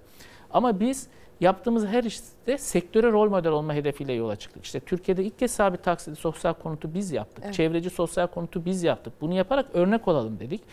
İstanbul yenileniyorla dönüşümün sürdürülebilir bir yöntem olduğunu, yönteminin olduğunu ve bunun başarılabileceğini gösterdik. Biz tek yapıları da dönüştürüyoruz, siteleri de dönüştürüyoruz, yarım kalmış işleri de dönüştürüyoruz. Her türlü vakaya ilişkin uygulama yaptık Ezgi Hanım. Her türlü vakaya ilişkin. Ve bu işin aslında modelini koyduk ortaya. Ama tek başımıza altından kalkmamız mümkün değil. Hep bir destek talebiniz oldu. E, Aynı masanın etrafında birleşelim. Devletle birlikte bu işi yapalım. Çünkü başka türlü hani topyekün olmadıktan sonra Tek sesli olmak zorundayız. Evet bir tek ses olması lazım. Tam da bu noktada bir şey soracağım. Yarısı bizden kampanyası Evet. aslında ikinci bir ses olarak galiba aynı kulvarda sizinle ilerliyor. Nasıl buldunuz projeyi? e, yarısı bizlerini çok iyi buldum. Çünkü o proje İstanbul Yenileniyor projesinin birebir aynısı. Ha, Vatandaşlarımız hiç ben yorum Yarısı yapmaya bizden. gerek Hepsi duymuyorum. bizden diyorsunuz yani. Hepsi bizden aslında. E, girsinler internette araştırsınlar İstanbul Yenileniyor sisteminin süreçlerini, yarısı bizden kampanyasının süreçlerini. Birebir aynı. Birebir aynı. Şimdi, birlikte yapılsa? İşte onu söylüyorum. Zararın neresinden dönersek kardır diyoruz. Biz sektöre rol model olacaktık, kamuya rol model olduk, olduk diyoruz. Bu bizim için gurur verici bir şey. Ancak depremi konuşuyoruz. İnsanların e, canıyla mücadeleyi konuşuyoruz. Bunun Burada bir araya olmaz. olmamalı. İşte tek bakın ekonomik sorunlardan ziyade öncelikle tek sesli olmak zorundayız. Çünkü vatandaşla yüzleşiyoruz. Riskli eviyle yıkmak zorunda olduğunu, gerekirse bu işe bir maliyete katlanmak zorunda olduğunu söylüyoruz. Şimdi yerel yönetimlerin bununla ilgili yüzleşmesi çok kolay bir şey değil. Çünkü bir siyasi mekanizma vatandaşla temasınız var ama İstanbul Büyükşehir Belediyesi bu dönemde insanların evlerini hızlı taramayla riskli olup olmadığını söylemekle bile yüzleşmeyi göze aldı. Evlerini maliyetine yenilemek zorunda olduğunu söyleyecek şekilde bunu göze aldı. Niye? Göze aldı diyorsunuz onu bir Bu çünkü şöyle siyasi düşünmedik biz bu işi. Yani Büyükşehir Belediye Başkanımızla beraber biz göreve geldikten hemen sonra gittik eski Çevre Bakanı'na e, dedik bir arada çalışalım, tek ses olalım, bağımsız bir kurum kuralım, bizim üstümüzde olsun, bize talimat versin, biz görevleri yapalım ama tek ses olalım. Aksi takdirde bu kent çok ciddi risk altında. Bunun altından hiçbirimiz kalkamayız dedik. İstanbul yenileniyor sesimize cevap gelmedi. İstanbul yenileniyor hayata geçtik. Örnek uygulamalar yaptık. Rakamları açıkladık. Şu anda 1 milyon 500 binden fazla insanın yaşadığı alandan bize talep var. Ama bunun altından kalkamıyoruz. Niye kalkamıyoruz? Kiptaş'ın kapasitesinden dolayı değil, maliyet artışlarından dolayı. Bu da maliyeti de Kiptaş ve İBB belirlemiyor, piyasa belirliyor. Ama dedik ki nasıl sosyal konut kampanyalarında e, uygun ödeme planları sundular vatandaşlara. Nasıl e, orta gelir gruba düşük faizli kredi imkanı sundular. Ya önceliğimiz riskli yapılar. Gelin bunu riskli yapıda oturan vatandaşlarımıza sunalım. riskli yapıların haritası da ekranda. Yönetmenim onu bir de volu alabilir miyiz? Bu riskli yapılar üzerinden yaptığınız bir yorum benim hiç aklımdan çıkmıyor. Yine aynı harita olduğunu tahmin ediyorum. Aslında vatandaşın talepte bulunduğu haritayla e, depremin en çok risk oluşturduğu harita birebir örtüyor Evet, birbirini. vatandaş olayın farkında. Buyurun Ama anlatalım isterseniz. Vatandaş olayın farkında e, gayet de bilinçli ama ilk başta konuştuğumuz gibi çaresiz. Çaresiz. Ve bu harita şöyle önemli. Bakın Türkiye'nin en organik verisi diyorum. Niye? Vatandaşın beyanı. Şu anki rakamımız 434.625. 434.625 riskli bağımsız birimi temsil ediyor. 1 milyon 587 bin insanımızın yaşadığı alandan bahsediyoruz. Bu, bu veri niye önemli? Vatandaş diyor ki ben riskli yapıda oturuyorum ve bu işin maliyetine katlanarak çözüm arıyorum. Gel beni yenile diyor. Yeter ki merkezde bir e, otorite olsun. Bu süreçler niye başarısız oluyordu? Müteahhitlerle vatandaşlar veya finans kurumları birbiriyle bir türlü uzlaşamıyordu. Yarım kalan işler, geçmişte yapılan yanlış uygulamalar vatandaşın kafasını karıştırıyor. Biz merkeze Kiptaş şirketi ve şehircilik grubu şirketlerini koyduk. Burada koordinasyonu sağladık ve bu taleple karşılaştık. Ama maliyetlerin aşırı artışı, insanların alım gücünün düşmesi bu borçlanmaların altından kalkamayacak hale getirdi vatandaşı. O yüzden bizim merkezi yönetimin e, imkanlarıyla beraber sahada çözüm üretmemiz gerekiyor. Yarısı bizden kampanyası söylem ve iletişim dili olarak güzel, işlevsel anlamda eksikleri var ama süreç yönetimi anlamında birebir İstanbul yenileniyorla aynı. Tamam yaptınız. Diyoruz ki hazır bu veriyi de verelim size paylaşalım. Siz yapın biz de sahada kullanın diyoruz. Yani daha ne yapabiliriz? Tek derdimiz var. Burada siyaset üstü bir şey söylüyorum. Buradaki riskli yapılardan insanlarımızın hayatını kurtaralım. Bakın ben teknik bir insan olarak mahalle arasına girmeyi yani tek tek yapıların dönüştürülmesi, bütüncül yaklaşım olmadan yapılmasını aslında çok doğru bulan bir insan değilim. Ama o kadar zaman kaybettik ki biz mahalle arasında 10 daire, 5 daire, 20 dairede olsa giriyoruz, yıkıyoruz, yapıyoruz. Bizi eleştiriyorlar. Tek tek mi dönüştüreceksiniz? Bir 12 daireli bir blokta 50'den fazla insan yaşıyor. Ya. Siz burada yayınlar yaptınız. Saatlerce bir enkazdan bir kişi Evet, çıkarmak için evet. 200 Ay, kişi tüylerim başında bekliyor. Evet. Saatlerce nefesimizi tutup o insanların kurtulmasını bekliyoruz. Şimdi biz orada 50 tane insanı kurtarma imkanı bulmuşuz. Hayatını kurtarma. Göz ardı mı edelim? Şunu sorgulaması lazım bizi eleştiren insanların. Niye bu insanlara diğer müteahhitler girmiyor? Çünkü kar yok. Biz rant odaklı bakmadığımız için sadece can güvenliğini ön plana çıkardığımız için mahalle arasına da girdik. Tabii ki ideali bütüncül olan ama mevzuat sistemimiz diyor ki çoğunluk uzlaşı olmadan hiçbir şey yapamazsınız. Biz uzlaştığımız her yapı 10 daire, 200 daire, 500 daire ki her ölçekte projemiz var. Ee, Bunları paylaşıyoruz sosyal medya Onu hesaplarımızda. soracağım size geldiğiniz noktayı ama şunu bir açıklayalım isterim tekrar. Mesela kırmızılar, maviler, sarılar neyi Kırmızılar ifade ediyor? uzlaşma e, şu anda süreci sonlandırma noktası olduğumuz yapılar. Ee, sarılar başvuranlar, maviler ikinci aşama dediğimiz yani fiyat teklifi gönderdiğimiz e, bir yenileme teklifi gönderdiğimiz burada illa borçlanma çıkacak diye bir şey yok. Bazı işte Kadıköy gibi şerefiyesi yüksek imar e, hareketi mevcutta olan yani imar yoğunluğu olan yerlerde yani fazla kat çıkan yerlerde borçlanma bazen çıkmayabiliyor. O yüzden burada yoğun bir uzlaşı var gördüğünüz için. Bu Hmm. anlamlı bir veri. Niye? Burası mesela Kadıköy bölgesi Kadıköy. çok talep var. Çünkü eski bir yapılaşma Aynen. ama imar şartları bir iki kat daha fazla yapma imkan veriyor ve değerli bir bölge. O bir iki kat vatandaşı borçsuz yenilenmesinin imkanını sunuyor. Bize Dolayısıyla soruyorlar. sizin projenin en çok çalıştığı, kırmızı noktaların E Çünkü en çok yoğunlaştığı yer aynen oluyor. öyle. Bize soruyorlar niye e, rantı yüksek yer? Biz rantı yüksek yerde yapmıyoruz proje. Öyle bir ayrıcalığımız yok. Biz uzlaşı olan her yerde yapıyoruz. Bağcılar'da yaptık, Eyüp'te yaptık, Güngören'de yaptık. Buralar şerefiyesi yüksek yerler değil. Alım gücü de düşük. Piyas e, oradaki üretilen konutun piyasa değeri de düşük. Ama uzlaşı vardı. Beylikdüzü'nde de yaptık. İstanbul'un 23 ilçesinde şu anda aktif uygulamalarımız var. Kartal'da da yaptık. Sizin projenizin yaptık. takıldığı en büyük engellerden bir tanesi de galiba bu uz- uzlaşı süreci. Uzlaşı değil mi? sadece bizim değil. Bakın dedim ya sorunları doğru tespit etmemiz lazım. Uzlaşı olmadan hiçbir iş yapamıyoruz.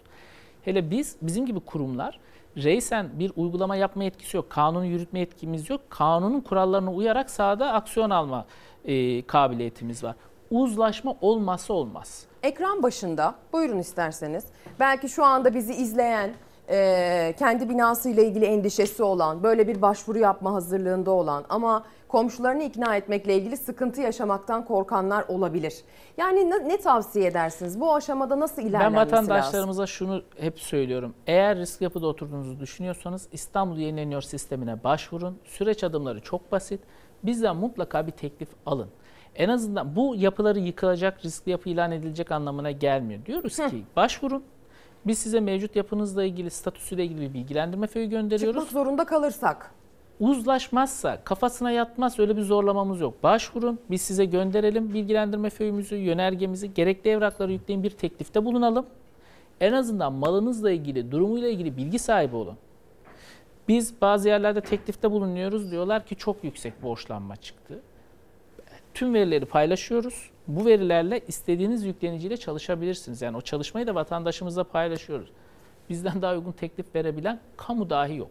Bakın, Başvuru kamu dahi aşamalarını da izleyicilerimiz ekrandan takip edebilirler bu arada. Evet. Ee, yani başvuru, ön teklif, uzlaşma Önce noktasında. başvuruyor vatandaşımız. Mevcut yapısının statüsüyle ilgili bilgilendirmeyi gönderiyoruz. Eğer 2 bölü 3 çoğunluk varsa bir yenileme teklifinde bulunuyoruz. Bu borçlanma da çıkabilir, çıkmayabilir. Borçlanma çıktı. Uzun vadeli borçlanmak istiyorsa Kiptaş'ın kefaletiyle bankalardan kira şey, e, kredi kullanma imkanı da sunuyoruz. Hı hı. Yani tüm gücümüzle vatandaşı ikna etmeye çaba sarf ediyoruz. Ama sayılar çok büyük. İstanbul'dan bahsediyoruz. Türkiye'nin en büyük riskli yapı stoğuna sahip kentinden bahsediyoruz. Maliyetler ortada. Bir dünya şehrinden Artarak bahsediyoruz. devam bir edecek. kültür mirasından bahsediyoruz. Evet çok kıymetli bir yer. Ekonomik olarak bir merkezden, Evet. bir cazibe noktasından bahsediyoruz. Yani İstanbul'un bu kadar büyük bir risk altındayken bu kadar e, hantal bir e, durumda olması, siz elinizden geleni yapıyorsunuz yanlış anlamayın ama hani devlet anlamında, merkezi yönetim anlamında bu işin bu kadar yavaş ilerliyor olması, bu anlamda bir işbirliği, e, bir birlikte çalışalım hevesinin hiç olmaması beni çok umutsuzluğa düşürüyor. Şimdi yeni bir Bir yapı buçuk var. milyon insandan bahsediyorsunuz yapısını Evet. değiştirmek isteyen. Şimdi yeni bir en az o kadar var. kişiyi kaybedeceğiz anlamına gelmiyor mu bu? Bu minimum. Minimum yani. Ve bakın bu sistemde bakın yıkımları gösteriyor ekranda. Bu bizim yıktığımız ve tamamladığımız işler. Başvuranlar da sahada uygulama yaptığımız yapıların hiçbiri boş çıkmadı. Ne anlamda boş çıkmadı? Hepsi bir kepçe darbesiyle yıkılan Evet, yapılar. O kadar kötü bir yapı stoğu var ki İstanbul'da. Ben e, Antakya'dan dönerken İstanbul'a bir yayına çıkacaktım. Numune alalım dedik. de- Unuttuk o koşturmada. Bir, her, her yere enkaz, her yerden bir numune alıp gösterebiliriz. İnanın İstanbul'da yıktığımız yapılardaki betondan daha sağlam betonlar gördüm ben Antakya'da. Ve bina yerle biri olmuştu. Biz burada elimizde ufalanan e, binalar, demirler olan koca koca blokları yıktık. mısın? Tek kepçe Tek kepçeyle yıkılan binalar var. Yani vatandaşın beyanı doğru. Ama vatandaş çaresiz. Bizim de vatandaşa bir çözüm üretmemiz lazım. Ben gene ümitsiz değilim. Hiçbir zaman da olmadım. Şu an sonuçta yeni bir siyasi yapılanma var. Yeni bir kabine var. Umarım yeni e, gelen yöneticiler, kamu yöneticileri bu çağrımıza kulak verir ve bir an önce bir araya gelip İstanbul için birlikte çözüm üretiriz. Bunu siyaseten kesinlikle söylemiyorum. Aklı başında olan, vicdanı olan herkes benim dediğime kulak verir. Gerçekten insanların çok ama çok ciddi can riski var İstanbul'da. Sadece İstanbul değil Marmara bölgesinde. Çünkü bu deprem, olası deprem Marmara'yı etkileyecek bir deprem. 30 milyon nüfustan bahsediyoruz, kayıtlı nüfus.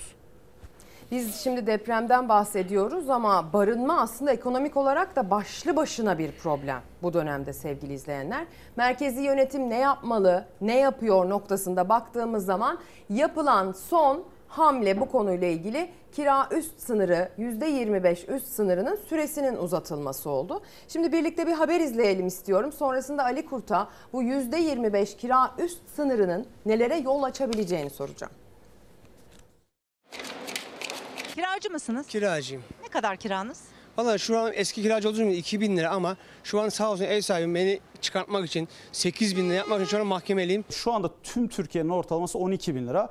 Bu çok yüksek bir rakam. Kira artışı aslında %116 e, artmış e, olarak görünüyor. Kiralara getirilen %25 artış sınırı düzenlemesi uzatılacak çalışıyoruz. Düzenleme 1 Temmuz öncesine yetişmese de 1 Temmuz'dan itibaren geçerli olacak. Adalet Bakanı Yılmaz Tunç kiralarda %25 sınırının uzatılacağını açıkladı ama bir yıldır uygulanan düzenleme yüksek kiralara çare olmaya yetmedi.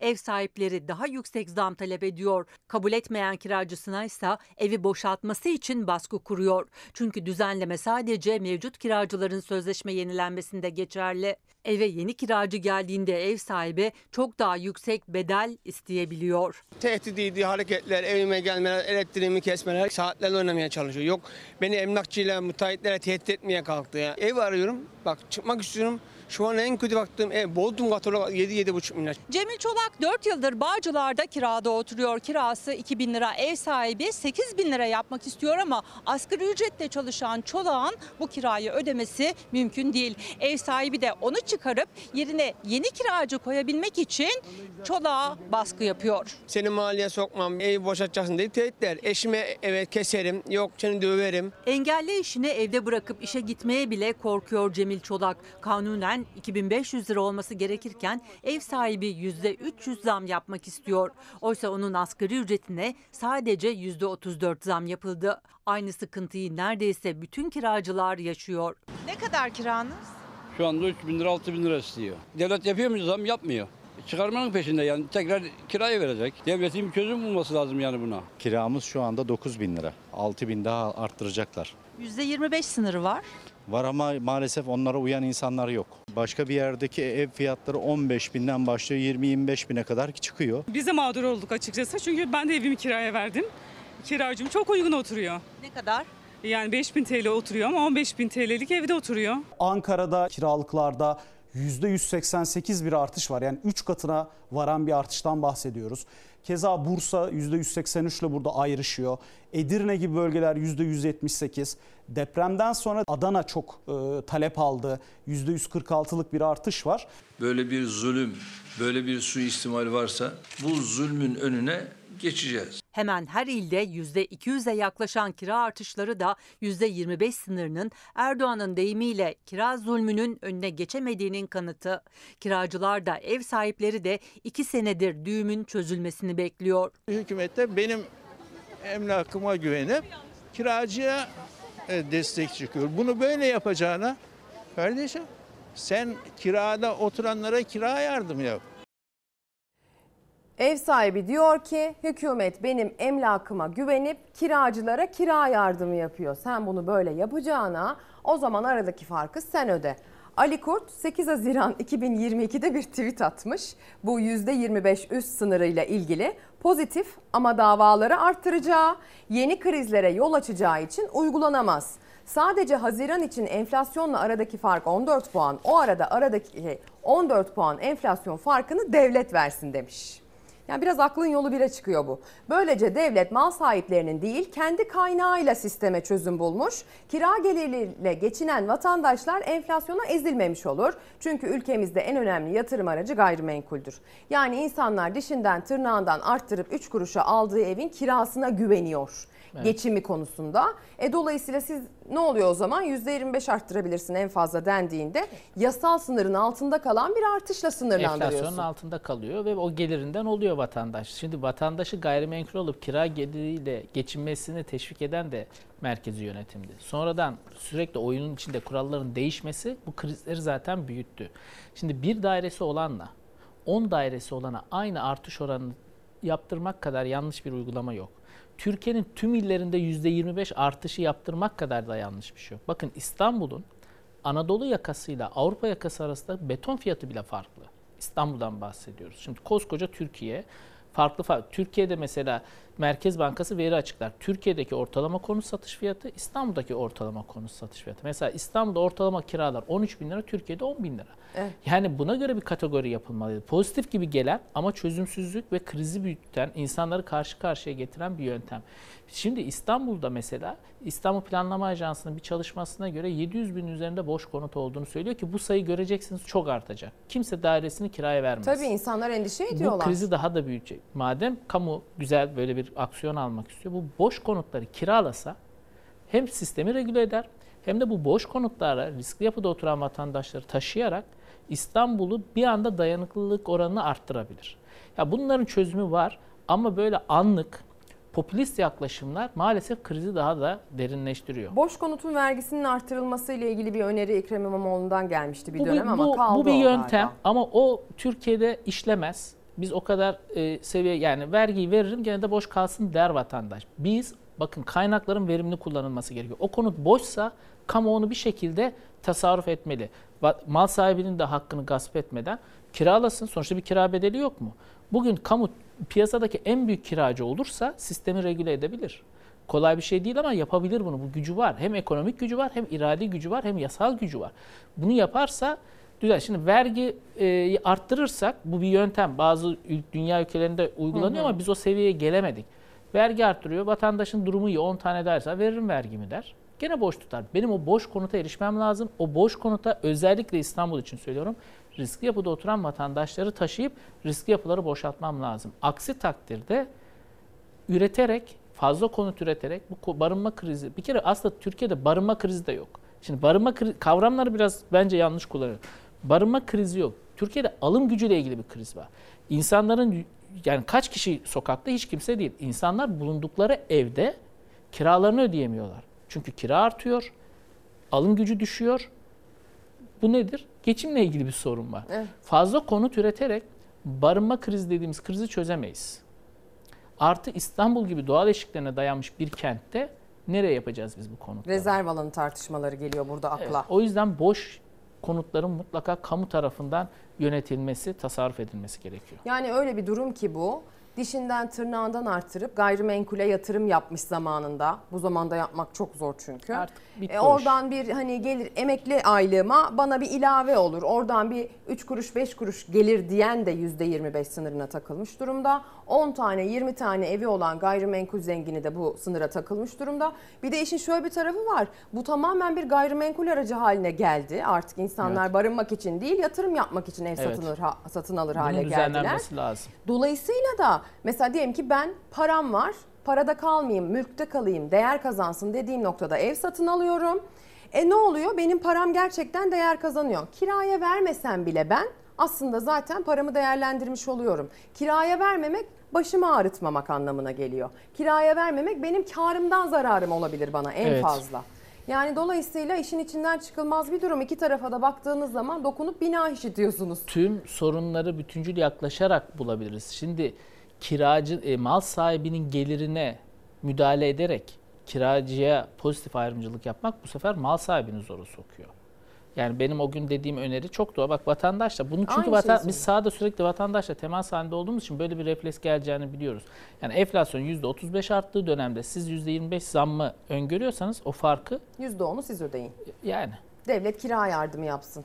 Asgari mesela belli ekonomik seviyedekilere kira yardım yapabilir. Bir dairesi olan 2, 3, 4, 5 dairesi olana farklı kategoride artış oranlar uygulayabilir. Ama buna çalışılarak yapılması gereken bir şey. Bir anda sabit yaptım. Ya bakın çok basit örnek. İstanbul Anadolu yakası Avrupa yakasındaki fiyatlar farklı.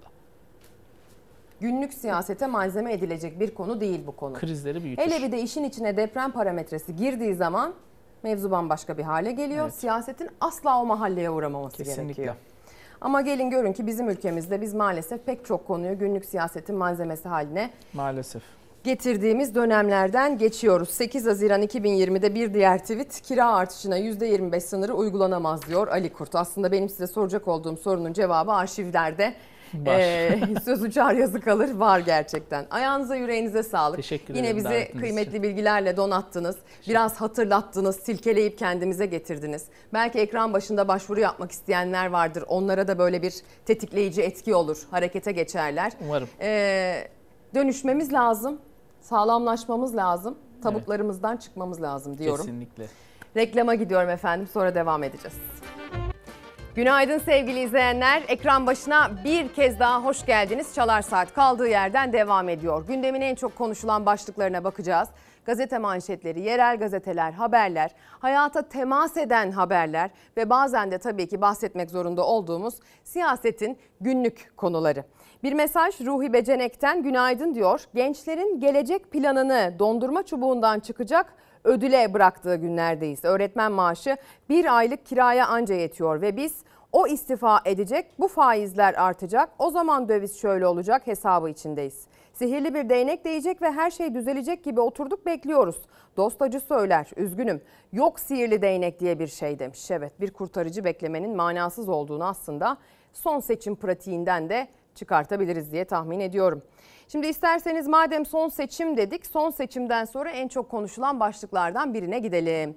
CHP çok tartışıldı, çok konuşuldu. Seçimin e, sonucu muhalefet açısından hüsran olunca altılı masanın sistemi doğru muydu, yanlış mıydı? Her tarafından çekiştirildi, eleştirildi. Çok yüksek perdeden eleştiriler de vardı.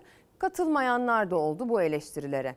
CHP içerisinde sağ siyaset yapan aktörleri barındırmak üzerinden eleştirilirken CHP içinde varlık göstermiş. İşte daha öncesinde sağ siyasetin merkezinde olan bir ismin ben CHP'ye oy vermedim şeklindeki çıkışı da tam bu tartışmanın üzerine geldi. Abdülatif Şener'den bahsediyorum. Biliyorsunuz kendisi son olarak da öyle söyledim ama kafa buldum dedi. Ben birinci turda Sinan Ogan'a Sinan- oy verdim. İkinci turda ise geçersiz oy attım. Bana ihanetin, vefasızlığın resmini çizebilir misiniz deseniz Abdülatif Şener örnek olarak gösterirdim. Beni sorgulayanları biraz rahatlatmak için, biraz da kafa bulmak için söyledim. Kafayı dağıtmış demek. Bir yere toslamış o da belli. CHP milletvekiliyken Ata İttifakı'nın Cumhurbaşkanı adayı Sinan Oğan'a oy verdiğini açıklayan Abdülatif Şener o sözleri kafa bulmak için söyledim dedi. Milletvekili olduğu partisinin Cumhurbaşkanı adayına oy vermediğini pişkince açıklayanların bunlar asla güven vermeyen siyaset simsarlarıdır. Batan gemiyi ilk terk eden korkaklar ve korsanlardır. Bu söylenecek bir şey değil çünkü sorgulanacak bir şey değil. Bir şey anayasaya aykırıysa söylenmesi de gerekmez. Ama madem hadi istiyorsunuz koyuyorum masaya dedim. O bakımdan kafa buldum dedim. Omurganız yoksa, bir kere ihanet ettiyseniz ömür boyu ihanet edersiniz. Zikzak yapan siyaset adamlarının ömrü çok kısa olur. 2018'den 2023 seçimlerine kadar CHP'nin Konya milletvekiliydi Abdülatif Şener. 14 Mayıs seçimlerinde yeniden aday gösterilmedi. Seçim sonrası katıldığı bir televizyon programında iki turda da oylarının Kılıçdaroğlu'na gitmediğini açıkladı. Ben birinci turda Sinan Ogan'a Sinan- oy verdim. İkinci turda ise geçersiz oy attım. 14 Mayıs'ta daha istifa etmemişken yani CHP'liyken nasıl Sinan Oğan'a oy verdiniz? Verdim. Kişisel ikbal beklentileri olanlar bu beklentileri karşılanmayınca vicdansız, vefasız açıklamalarda bulunabiliyorlar. Şener Cumhurbaşkanlığı ikinci turda da geçersiz oy kullandığını söylemişti ama oy kullandığı sandıktan geçersiz oy çıkmamıştı. Zafer Partisi Genel Başkanı Ümit Özdağ da Şener'in Zafer Partisi'ne oy vermiş olabileceğini iddia etmişti. Dedi ki sizin sığınmacılar politikanız benim partimin sığınmacılar politikasından daha doğru. Seçimlerde Cumhuriyet Halk Partisi'nden aday olsam da Zafer Partisi'ne oy veririm. Sırf milletvekili almak amacıyla CHP'ye postunu seren, sonra da ilk zelzelede pencereden atlayıp sığındığı evine terk ederek taşa tutanlar siyasi ahlakın yüz karalarıdır. CHP lideri Kılıçdaroğlu grup konuşmasında hiç değinmedi ama MHP lideri Bahçeli isim vermeden Abdülatif Şener'i hedef aldı. Şener çok tartışılan sözleri için kafa bulmak için söyledim dedi. Beni sorgulayanları biraz rahatlatmak için, biraz da kafa bulmak için söyledim. AKP kurulurken ne demişlerdi? Allah utandırmasın. Gerçekten de utanma duyguları kalmamış. Ya çapraz mapraz sorular morular yaparken ben de biraz rahatlatayım onları dedim. Ne çıkar gürültüsü ne kadar olur? Bu kadar gürültü beklemiyordum. Onun açıklamalarını çok ciddiye almamak gerekir. Ama bizim açımızdan çıkartmamız gereken bir ders vardır. Partimiz artık aday belirleme süreçlerinde başka kriterler uygulamak durumundadır. Abdülatif Şener'in seçimde kullandığı oy tercihiyle ilgili iki farklı açıklama. Şener'e tepkiler sürüyor. Tabii bu tartışmanın bu minvalde çok yükselmiş olması tahmin etmediği bir şeymiş Sayın Şener'in. Ben bu kadar yankı bulacağını tahmin etmemiştim diyor. Ama tabii ki zaten bu konu tartışılırken yapılan bu çıkış kamuoyu tarafından ıskalanmadı. Uzun uzun konuşuldu. Siyasetteki tartışmalar bitmek bilmez. Şimdi hayata daha çok temas eden bir yere gidelim. Daha çok temas eden bir habere değinelim. Adana'ya doğru gideceğiz. Bir izdihamın haberini aktaracağız. Tahmin edin ne izdihamı? Mağaza açılışı izdihama dönüştü. Adana'da halk indirime giren elbiseleri almak için birbiriyle yarıştı.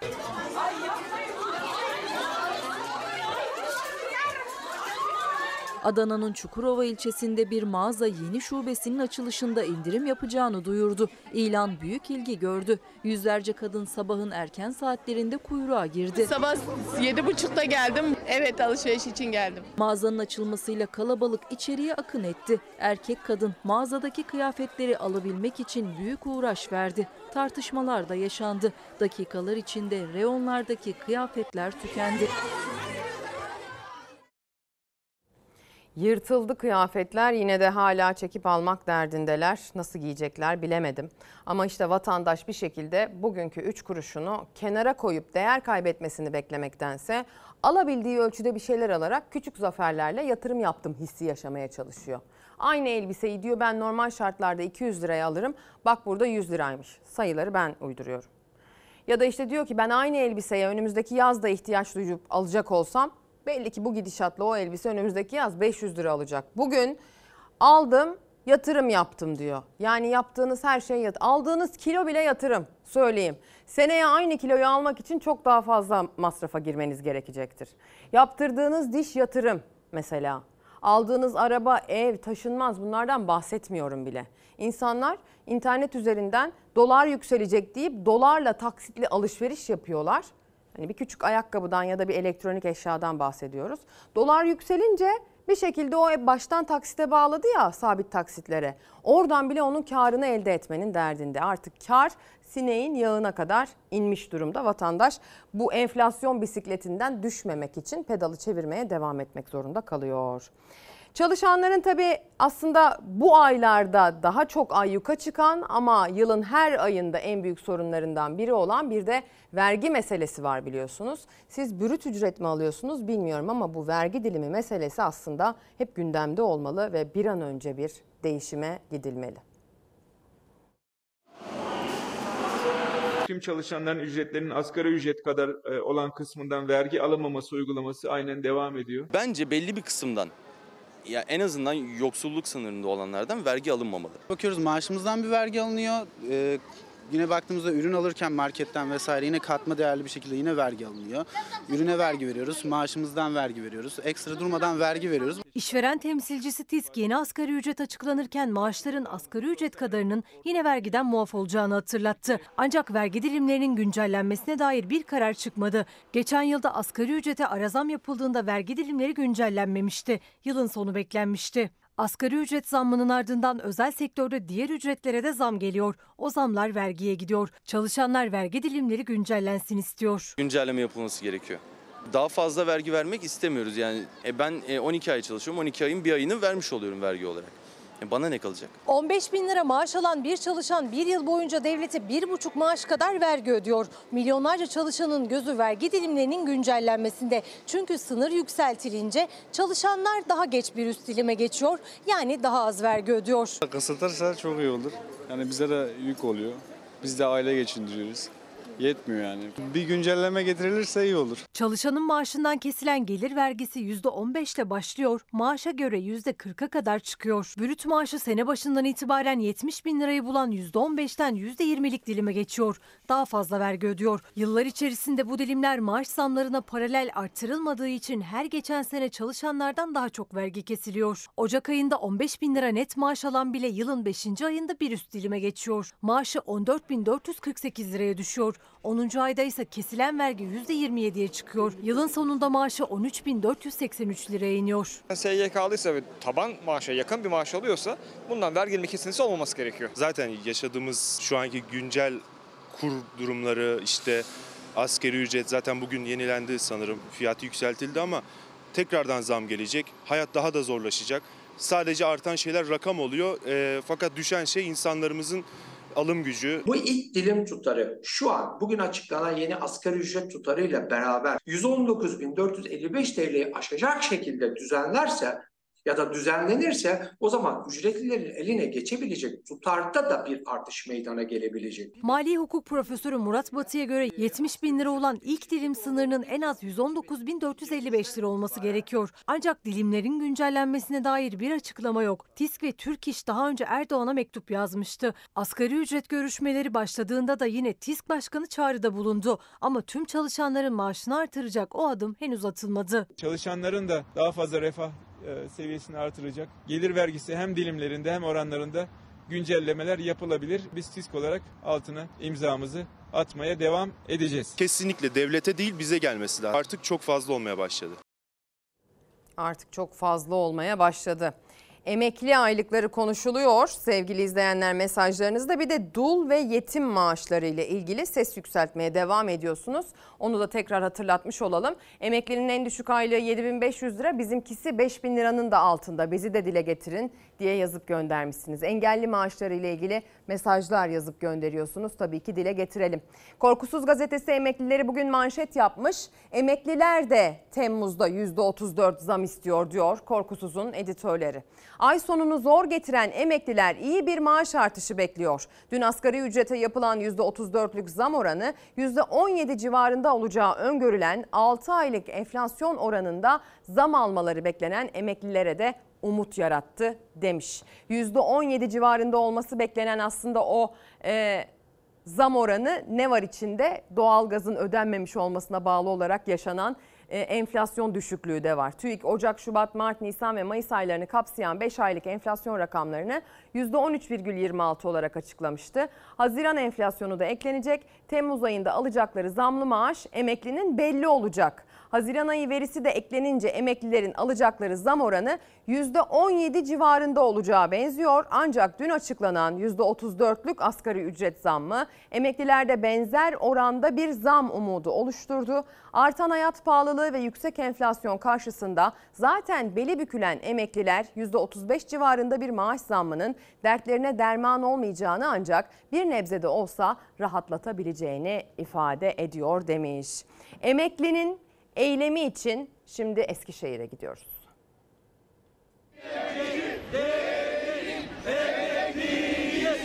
Geçim zorluğu içindeyiz. Bu maaşlarla, bu bayram ikramiyesiyle ne insana yakışır yaşayabiliyoruz ne de geleneklerimizi yaşatabiliyoruz.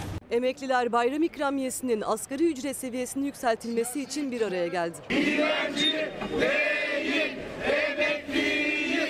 Eskişehir Tepebaşı'nda tüm emekliler sendikasına üye emekliler bayram ikramiyesinin düşüklüğüne ses yükseltti. Yeni asgari ücret oranına yani 11.402 liraya çıkarılmasını talep ettiler. Emeklilere yılda dört kez en az asgari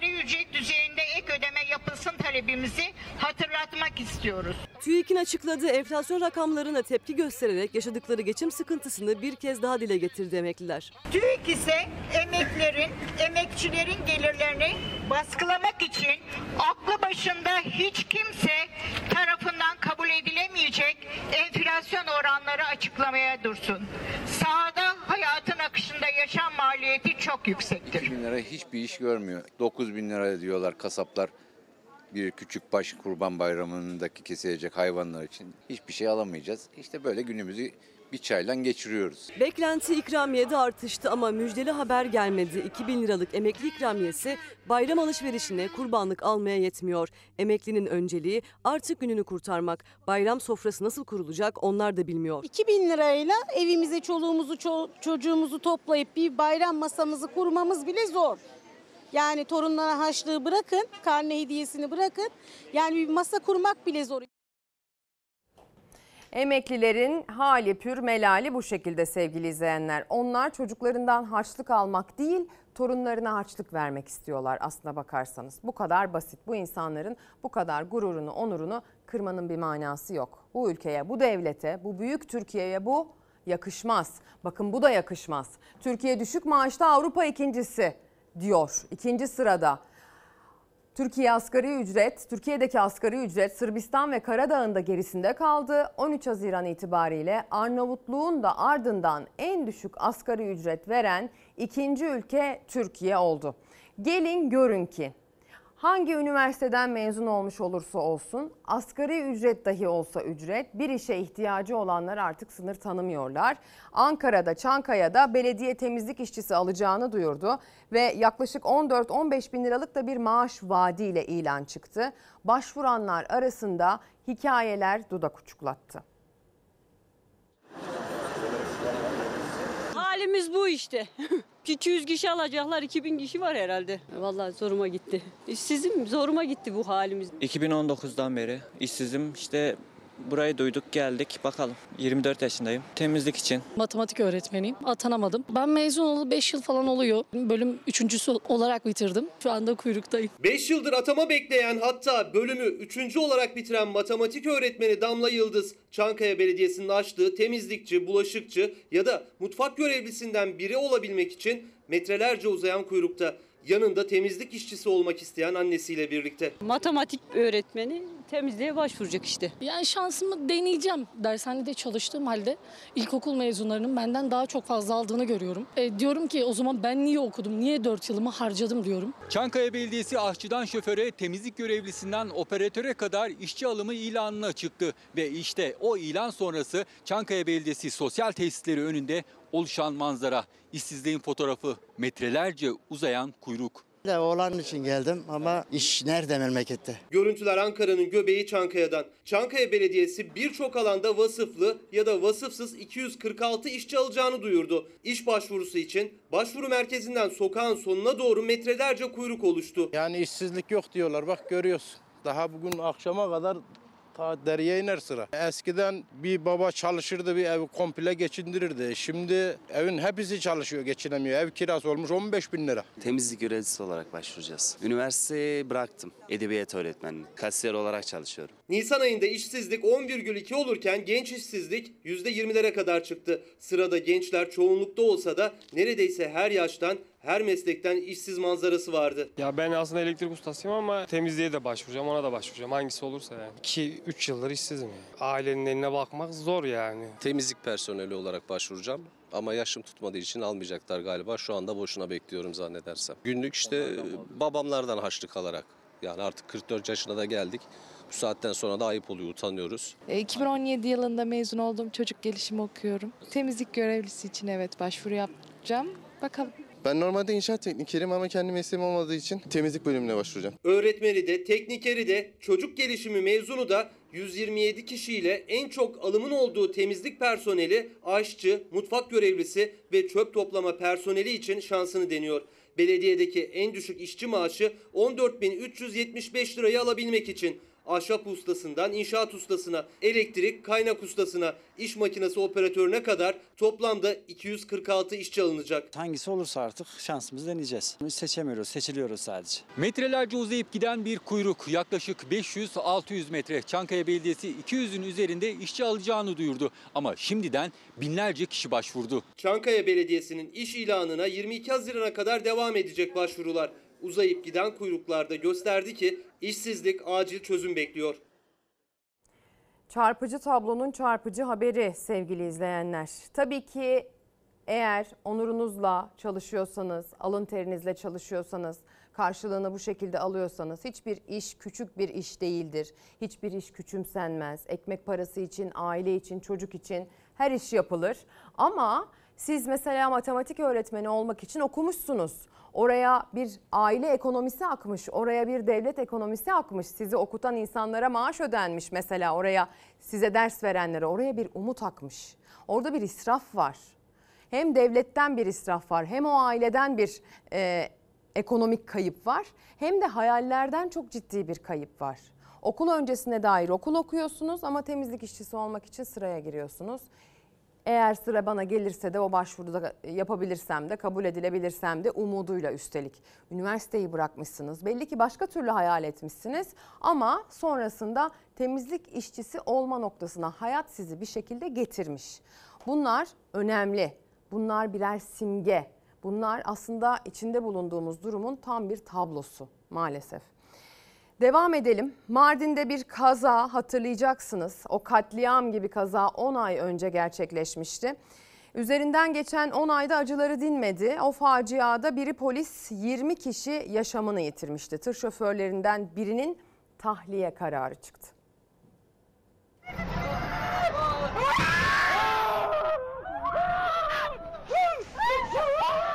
Çok süratli bir şekilde kalabalığın içine daldı. O esnada işte ortalık katliam oldu yani. Mardin'de yarım saat arayla iki tırın yol açtığı faciada biri polis 20 kişi yaşamını yitirmişti. 9 aydır tutuklu tır şoförlerinden Yunus Şataflı'nın tutukluluk hali devam ederken Umut Gündüz'ün tahliyesine karar verildi.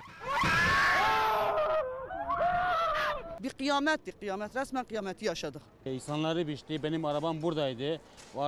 Tır arabamı sürükleyip ta buraya kadar e, buraya kadar getirdi. 30 yıldan beri 50 tane arabadan fazla bu, bu noktada devrilmiştir. Yüzlerce insan ölmüştür burada. 20 Ağustos 2022'de tüm Türkiye Mardin'de arka arkaya meydana gelen kazalarla sarsıldı. Fabrikadan aldığı gübreyi taşıyan tır iki otomobile çarptıktan sonra devrildi. Sağlık, itfaiye, jandarma ve polis ekipleri kaza yerine sevk edildi. Jandarma filan da oradan e, yolu kesmedi. Nöbet tutmadılar, yolu kesmediler. Ekiplerin yaralılara müdahalesi sürüyordu. Çok sayıda kişi de yardım için oradaydı. İlk kazadan yaklaşık yarım saat geçmişti ki gübre yüklü bir başka tır aralarına daldı. Polis Yahya Ergin şehit oldu. Şehit polisin uzaklaştırmaya çalıştığı o kalabalıktan da 19 kişi hayatını kaybetti. İkinci tır yukarıdan geldi. Ben bağırdım millet hepsi bağırdı kaçın dedik. Milleti hepsi ezdi geçti gitti. Akaryakıt istasyonundaki dönemeçte meydana gelen kazada yakınları ölen herkes sadece tır şoförlerinin değil sorumlu olan o noktada tedbir almayanlar dahil herkesin cezalandırılmasını istedi ancak son duruşmada tahliye kararı çıktı. Bu ilk değil ve son olmayacak. Bunu anlatmaya dilim varmıyor. Benim yaşadığım ikinci olay. İlk kaza yapan şoför Yunus Şataflı'nın tutukluluk halinin devamına karar verildi. Yarım saat sonra kaza yerine dalan ikinci tır şoförü Umut Gündüz ifadesinin ardından serbest bırakıldı. Duruşma 19 Eylül ertelendi. O günlerde bu kaza gündemimizde oldukça fazla yer tutmuştu. Hadi gelin bir de yerelin gündemine bakalım. Hemen yerel gazeteleri okumaya Antalya Körfez gazetesiyle başlayacağız sevgili izleyenler. Manşetinde kabus başladı diyor. Antalya orman yangını sezonunu açtı. Antalya'da yaz sıcaklarının başlamasıyla yangın sezonu da açıldı. Aksu'da çıkan orman yangını rüzgarın etkisiyle kısa sürede büyüdü. Yangında 1,8 hektar ormanlık alan zarar gördü deniyor. 3 helikopter, 2 uçak, 11 arazözle müdahale edilmiş ve yaklaşık 1,5 saat içerisinde alevler ancak kontrol altına alınabilmiş. Buradan geçmiş olsun dileklerimizi iletelim Antalya'ya.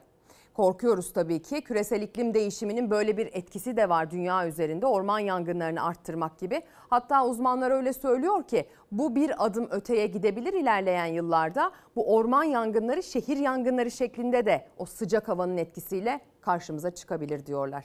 Bir diğer gazete Tekirdağ Çorlu'dan Devrim gazetesi yağmur yine felç etti diyor. Öğleden sonra Çorlu'da aniden bastıran sağanak yolları yine göle döndürürken vatandaş perişan oldu. Sürücüler zor anlar yaşadı. Durumdan dert yanan ilçe sakinleri belediyeye ateş püskürdü. Her zaman yağmur mu suçlu, her zaman iklim mi suçlu? Acaba belediyenin altyapısının ya da şehrin altyapısının bu zamana kadar bununla ilgili sorumluluk sahibi olmuş geçmiş dönemlere de bakmak lazım. İsimlerin hiç mi sorumluluğu yok, hiç mi suçu yok diye sormak gerekiyor böyle zamanlarda. İklim önemli, sonuçları oldukça yakıcı ve yıkıcı olabiliyor. Bakın Avrupa Birliği dünyanın iklim kriziyle ilgili yaptığı son açıklamada hangi çarpıcı verileri ortaya koydu? Avrupa dünyada en hızlı ısınan kıta oldu. 1980 yılından beri kıtadaki sıcaklık artışı küresel ortalamanın iki katına çıktı. Dünya iklim kriziyle mücadelede geçtiğimiz sene rekor sıcaklıklar nedeniyle 16 bin kişinin hayatını kaybettiği Avrupa'da küresel ısınmanın etkileri her geçen gün artıyor. Kıtada geçen yıl seller ve fırtınalar 2 milyar dolar maddi hasara yol açtı. Dünya Meteoroloji Örgütü ile Avrupa Birliği'ne bağlı Kopernik İklim Değişimi Servisi Avrupa'da iklim durumu ile ilgili ortak bir rapor hazırladı. Rapora göre Avrupa'da geçen yıl sanayi öncesi dönemlere kıyasla 2,3 santigrat derece daha yüksek sıcaklıklar kaydedildi.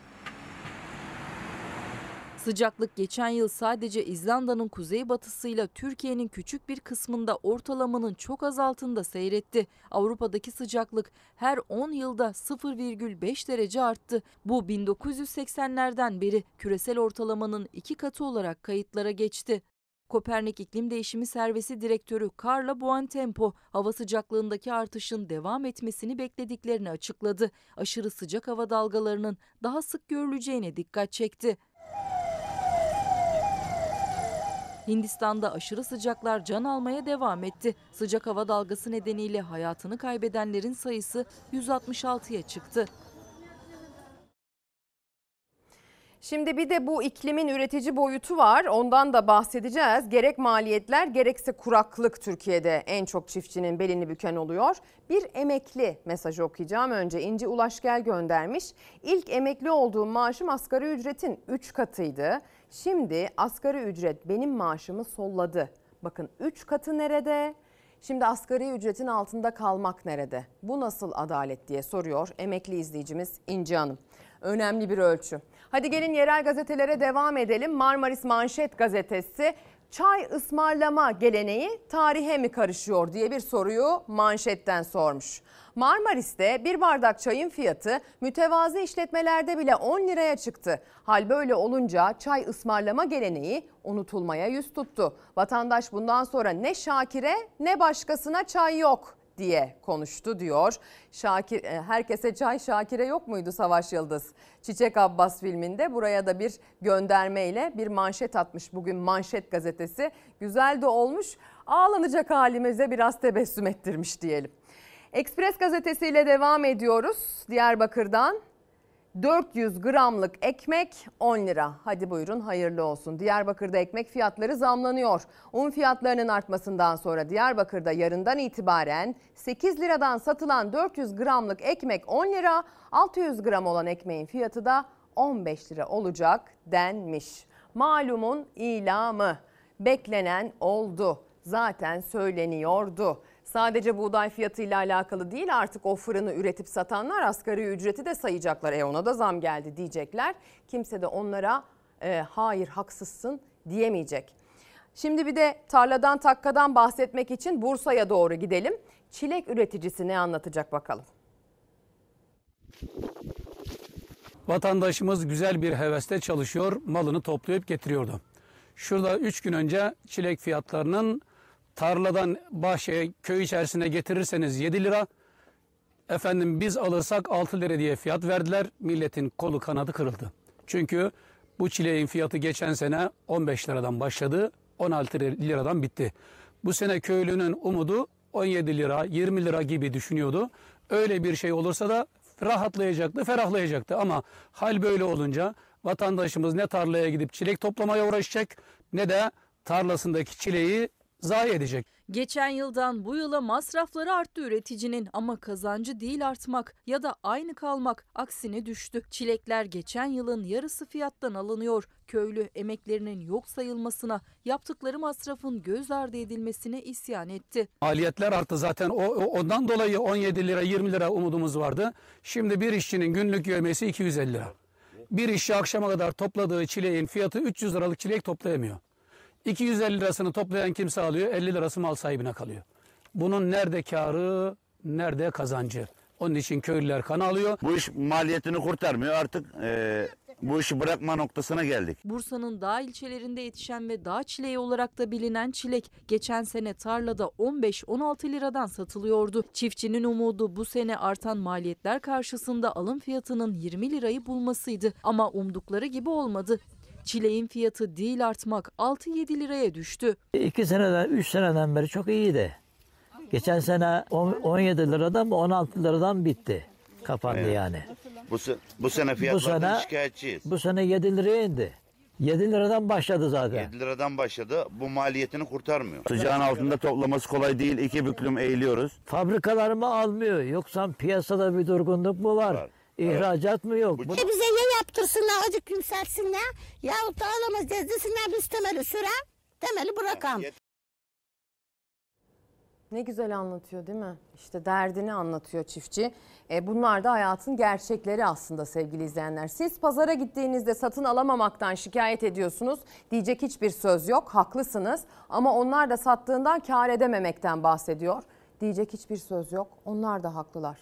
Yeni Gün gazetesiyle devam edelim. TMO çiftçiyi şirkete itti. Toprak Mahsulleri Ofisi'nin artık kendilerine randevu vermediğini ifade eden çiftçiler ürünlerini satmak üzere özel şirketlere yönlendirildiklerini ve bu nedenle mahsulleri zararına sattıklarını söyledi. İki gün önceydi bu ekranda yer aldı.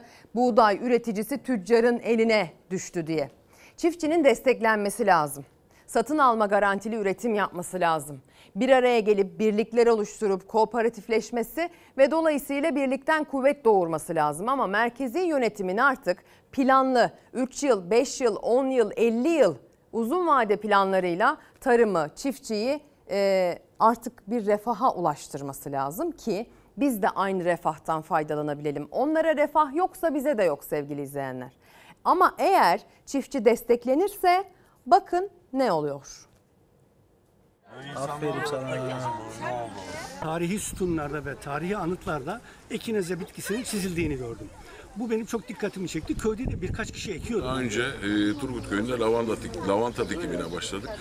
E, şimdi de Düzce Köyü'yle ilgili bir çalışma yapmaya başladık. Başka bir tarım mümkün diyerek Seferihisar'dan başlayan tarım hareketi ilçeye yeni değerler kazandırmaya, köylüye yeni gelir kapıları açmaya devam ediyor. Binlerce alana ekilen ata tohumu ve lavantadan sonra şimdi de ekinezya bitkisi köylünün geçim kaynağı olacak. Bu konuda gerekli araştırmaları yaptıktan sonra bir kısmı hibe, bir kısmı da Seferihisar Belediye'mizin karşıladığı e, yaklaşık mm, 60 bin fidanı 3 sene önce ektik biz buraya.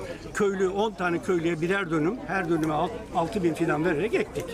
Bunlarla çok iyi verim aldık. Düzce köyünün tarihi kalıntılarında da binlerce yıl önce bu şifalı bitkinin izine rastlanmıştı. Seferihisar Belediyesi'nin de desteğiyle köylüye dağıtılan 60 bin fidan toprakla buluştu. Bitkinin kurutulması için de yine belediyenin desteğini aldı köy halkı. Bu bitkinin kurutulması biraz sorun. Köylü bu yüzden dönem dönem vazgeçmiş bu bitkiyi ekmekten. Ee, fakat kurutma işini Seferihisar Belediye'mizin e, mandalina kurutma tesisinde yapmayı planladık ve çok iyi verim aldık. Umarım e, ki e, bu e, Ağustos ayına kadar bunlar e, şekillenecek ve çiçek vermeye başlayacak. Çiçek verdikten sonra da Ağustos sonuna doğru hasatını gerçekleştirir. Gerçekleştirdiğimiz hasatı da biz e, kendi e, halk marketlerimizde satışını yapmaya başlayacağız. Trakya bölgesinde de kıraç alanların tarıma kazandırılması için tarlalara lavanta ekimi yapılmıştı. Bölgemizde özellikle Kırklareli, e, Tekirdağ ve Edirne'yi dahil ettiğimizde e, 3600 dekar civarında bir ekim alanı söz konusu. Arazileri mora boyayan o lavantalar şimdi kazanca dönüşüyor. Lavanta yağının litresi uluslararası arenada 30 ila 120 euro arasında satılıyor. Lavanta üretiminde 1 kilogram e, uçucu yağın fiyatı e, 30 avro ile 120-130 avroya kadar çıkabiliyor. Yani aslında tarıma, inşaata, depreme yönelik yatırımlar yapmak, bu anlamda iyileştirmeler yapmak, risk azaltmaya yatırım yapmak tamamen öncelik meselesi. Eğer siz e, bütçeyi düzenlerken önceliği bu konuya verirseniz bu ülkenin yapamayacağı hiçbir şey yok. Demek ki burada da tercihler devreye giriyor. Siyasetçilerin tercihleri, siyasi tercihler sevgili izleyenler. Güney Gazetesi İzmir'den bugün manşetten çimento direnişi diyor. Mersin gazetesi düzeltelim. Güneyden değil herhalde.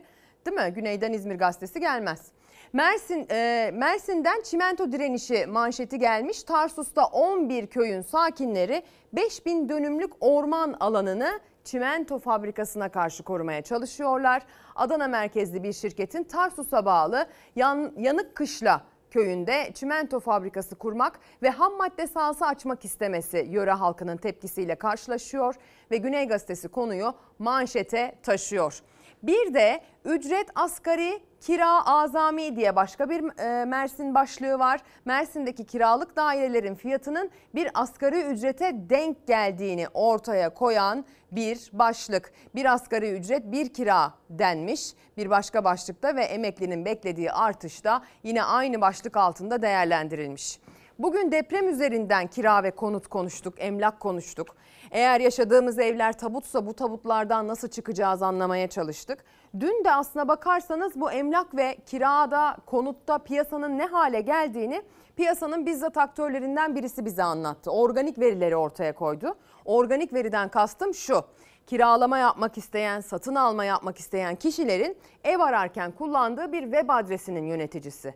Ve bakın onun verileriyle, o organik verilerle, kullanıcı tıklarıyla oluşan verilere göre nerede kira nasıl artmış?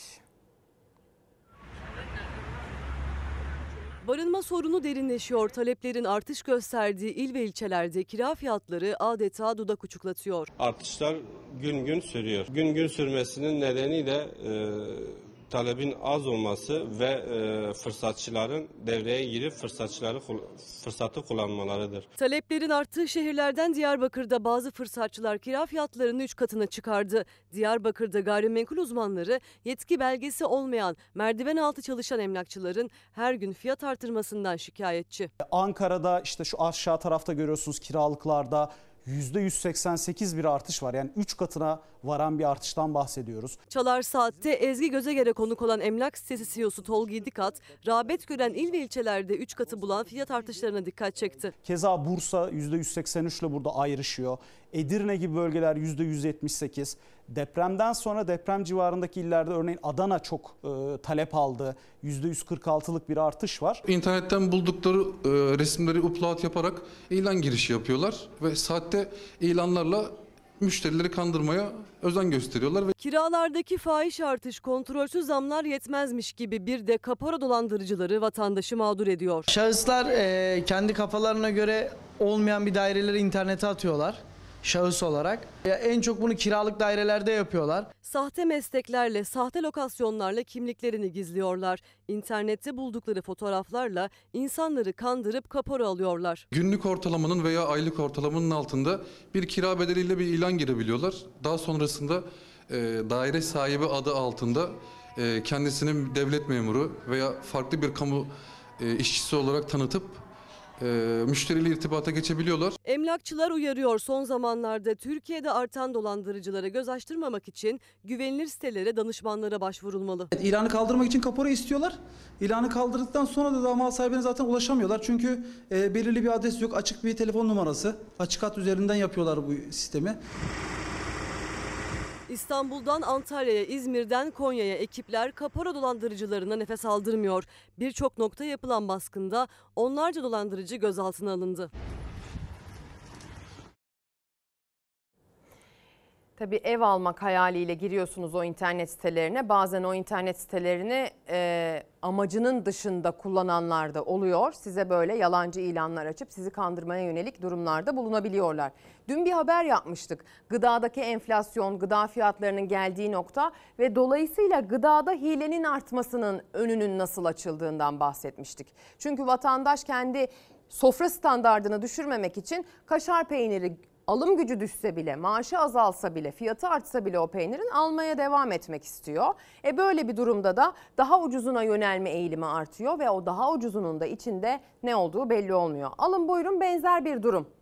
Burada da vatandaş 3 kuruşunu malda bekleteyim de değerlendirsin diye belki ev almak istiyor. Ya da can hıraş belki ev kiralamak istiyor. İşte orada da kapora dolandırıcıları devreye giriyor. Yani böyle kriz dönemlerinin her zaman maalesef tırnak içinde fırsatçıları karşımıza çıkıyor sevgili izleyenler. Şimdi bir de otomobilden bahsedeceğiz. Şimdi ev almak mümkün değil. Ev alıp evi yatırım aracına dönüştürmek artık hayal. Hani bırakın yatırım aracını. Başımızı kendi evimize sokalım dediğiniz zaman bile işler çok zora girmiş durumda. Dolayısıyla artık insanlar aslında yatırımı e, yapabildiği ölçüde yapıyor. Mesela ev alamıyor, arsa alamıyor ama hani belki araba alırım diyor. Kirada oturuyor ama altında son model araba var. Neden? Çünkü 3 kuruşunu arabaya yatırmış. Bakıyorsunuz arabaya gözü gibi bakan bir sürü komşu pencerenizden baktığınızda. Ama gelin görün ki burada bir vergilendirmeye dair abukluk var. Az evvel gelir vergimizden, bordrolu çalışanların vergi dilimlerinden bahsettik. Bu da arabanın vergi dilimi, ÖTV. ÖTV'ye bakıyorsunuz 3, 5, 10 vergi dilimi var ama aslında bütün arabalar neredeyse en yüksek vergi dilimine dahil. Bir altındakinde tek bir model var o da küçük bir zamma bakıyor. Şöyle bir baktığımızda milyonun altında e, sıfır araba yok. Sistem çarpık bir sistem. Kurlar arttıkça fiyatlar artıyor. Fiyatlar arttıkça da ÖTV dilimlerindeki kalemler değişiyor. Bu da e, tüm sektörü ve tüketiciyi etkiliyor. Bulunduğumuz bu bayide %80'lik dilimin altında araç var mı? Bu bayide yok, markamızda da yok. %45, 50, 60, 70'lik dilime giren hiçbir araba yok. Türkiye'de sadece bir tane markanın bir modeli var. Türkiye'de satılan 276 farklı modelin sadece biri %70'lik vergi diliminde kaldı. %45, 50, 60 ÖTV'li araç zaten kalmamıştı. Geriye kalan tüm sıfır otomobiller %80 ve üzerindeki vergi diliminde. Dövize bağlı olarak otomobil fiyatları katlandıkça vergisi de artıyor. ÖTV %220'ye kadar çıkıyor. Kurdaki %1'lik artış bir anda %10 olarak yansıyor. Hükümet otomatik zam yapmış oluyor. Yani ortada zam yaptık diye dolaşmadan çok rahatlıkla gizli bir şekilde bu zamları devreye sokuyor. Türkiye'de sıfır otomobillerden vergisiz fiyatına göre kademeli olarak ÖTV alınıyor. Vergisiz fiyatı 184 bin liraya kadar olan otomobiller için %45 vergi alınırken fiyata göre dilimler yükseliyor. Ancak fiyatlar o kadar katlandı ki ara dilimler işlevini yitirdi, kağıt üstünde kaldı. Otomobilde vergi dilimleri en son 24 Kasım 2022'de güncellendi ama fiyatlar yerinde durmadı. Vergi dilimleri ilk belirlendiğinde yani 2022 yılının Kasım ayında bu otomobilin fabrikadan çıkış fiyatı yani vergisiz fiyatı 277 bin liraydı. %70'lik vergi dilimine giriyordu ve satış fiyatı da 600 bin liraydı. Gelelim bugüne aynı otomobilin vergisiz fiyatı 432 bin lira, satış fiyatı da 922 bin lira. Tabi aracın fiyatı yükseldikçe vergi dilimi de bir üst dilime yani %80'e çıktı. Yani aracın fiyatına 7 ayda gelen zam 155 bin lira ama bir üst ÖTV dilimine girdiği için yansıyan zam 322 bin lira. Madem bütün otomobiller %80'lik ÖTV diliminde yer alacak o zaman neden %45, 50, 60 ve 70'lik ÖTV dilimleri var? Neden güncellenmiyor? Vergi tabii ki düşük olmalı. Bu şartlarda araba alınmaz. Otomobillerin çoğu ithal yani dövizin artışıyla daha yolda zamlanıp bir üst vergi dilimine geçiyor. Durum böyle olunca sıfır otomobil sahibi olmak dar ve orta gelirli için imkansız hale geliyor. Ben 38-39 sene devlet memurluğu yaptım. Mühendisim. İki kişi karı koca çalışıyorsa iki de çocuğu olan arkadaşlarımız ben de dahil olmak üzere otomobillere böyle sahip olduk. Bakmakla yükümlü olduğum kimse yok. Ev kirası vermiyorum. Eşim de benim gibi emekli ama arabayı değiştiremiyorum. Eğer ben bu sıkıntıyı yaşıyorsam e, çalışanlar duman oluyordur. Duman oluyorlar, memurlar duman oluyorlar, asgari ücretliler duman oluyorlar. Aldıkları 3 kuruştan bir kuruş kenara ayırmanın derdine düşüyorlar. Belki de o üç kuruştan ayırdıkları bir kuruşla böyle bir yatırım yapmak istiyorlar ama karşılarına devasa vergiler çıkıyor. Bir yatırım kendilerine yapıp araba alırlarken iki yatırım devlete yapmış oluyorlar biliyorsunuz. Şimdi bir öğretmenin hikayesi gelecek ekrana. O da kazandığı 3 kuruşun bir kısmını kenara koydu, biriktirmek istedi. Kendisi 16 yıllık bir öğretmen. Üstelik de bir depremzede. Birikimine ne mi oldu? Dolandırıldı. Depremde evi yıkılan öğretmen dolandırıcıları 320 bin lira kaptırdı. TOKİ aracılığıyla borcumu ödemede kullanacaktım. 6 Şubat'ta Kahramanmaraş'ı vuran deprem nedeniyle 16 yıllık öğretmen Hüseyin Altıparmak evsiz kaldı.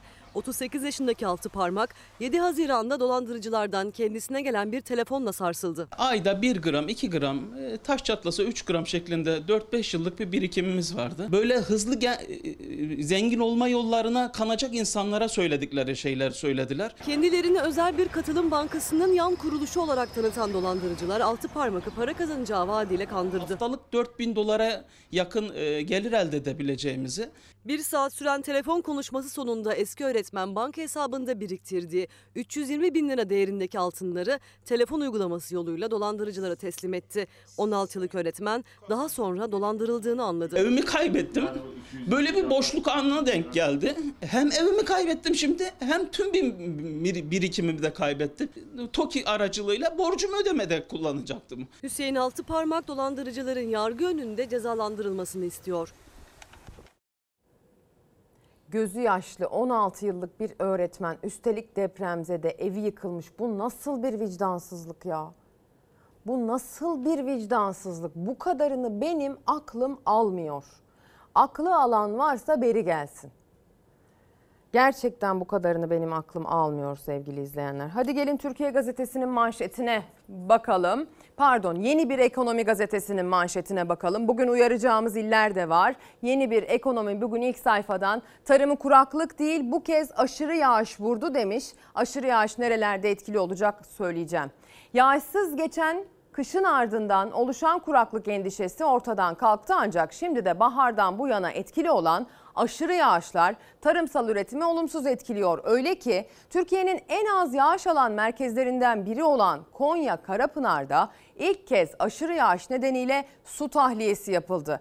Konya Karapınar denince akla obruk gelir sevgili izleyenler. Konya Karapınar'da bile suyun fazla geldiği bir yağış.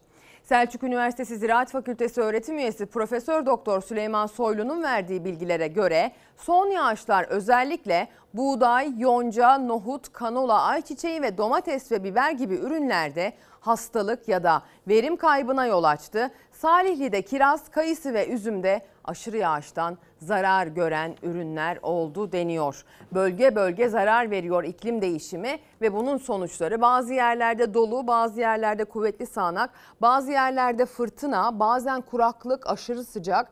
Bunlar bölge bölge değişkenlik göstermek suretiyle birincil olarak çiftçinin belini büküyor. Bizler de etkileniyoruz ama sonra zincirin diğer halkalarında yer aldığımız için ekonomik olarak da etkilenir hale geliyoruz. Çiftçi refaha çıkmazsa biz çıkamayız diye tekrar söylemek isterim. Bugün Orta ve Doğu Karadeniz'de kuvvetli sağanak yağışın etkisi devam edecek. İç Anadolu bölgesinin doğusunda, Sivas çevrelerinde, Erzurum, Elazığ civarında, İç Anadolu bölgesiyle Doğu Anadolu bölgesinin temas ettiği illerde bugün itibariyle kuvvetli sağanak yağış ihtimaline dikkat edilmeli. Ama özellikle Doğu Karadeniz, e, Doğu Anadolu bölgesinin kuzeyi hani Kars, Ardahan, Ağrı'yı içine alacak şekilde, Erzurum, Erzincan'ı içine alacak şekilde, Gümüşhane, e, Bayburt'u içine alacak şekilde Doğu Karadeniz ve Doğu Anadolu bölgesinin kuzeyinde yurdun kuzeydoğu ucunda kuvvetli sağanak yağışa bugün hazırlıklı olunmalı. Sel su baskını taşkın ihtimaline hazırlıklı olunmalı. Sonrasındaysa ne olacak? Birkaç gün içerisinde yağışların azaldığını, güneşli yaz havasının e, yağışın yerini aldığını göreceğiz. Şimdi ise Trabzon'a doğru gidelim. Hazır oralardan da bahsetmişken bir çocuk parkta oyun oynarken durup dururken neden ölür? Parkta oynarken maganda kurşunu isabet eden Kerem 9 gün süren yaşam mücadelesini kaybetti. Trabzon'un Çukurçayır mahallesinde 10 gün önce yaşandı acı olay. 9 yaşındaki Keremcan Özdemir site parkında oyun oynarken başına isabet eden kurşunla yere yığıldı. Hastaneye kaldırılan Kerem yoğun bakıma alındı. 9 gün süren yaşam savaşı sonunda küçük çocuk hayatını kaybetti. Evladımın katilinin bir an önce bulunmasını istiyorum. Büyük bütün devlet büyüklerimizden rica ediyoruz. Polisin olayla ilgili soruşturması devam ediyor. Sevindiğinizde, üzüldüğünüzde bayıla bayıla sarıldığınız o silahlarınız bir çocuğu hayattan kopardı. Bireysel silahlanmayı burada tekrar vurgulamak lazım. Yeter artık diyerek. Yeter artık. Şimdi Titanik'ten bahsedeceğiz ki Hürriyet gazetesi de bahsetmiş sevgili izleyenler. Biliyorsunuz enkaza kişi başı 250 bin dolar vererek gezi düzenlendi. Bir denizaltıyla yola çıkıldı. O denizaltının içinde kişi başı 250 bin dolar vermiş toplam 5 zengin insan var.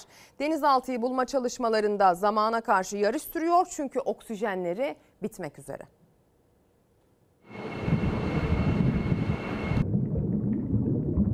Titanik'in enkazını turistlere gösteren denizaltı içindeki milyarderlerle birlikte kayboldu. İçinde 40 saatten az oksijen kalan denizaltıyı bulmak için çalışmalar sürerken umutları artıran bir haber geldi.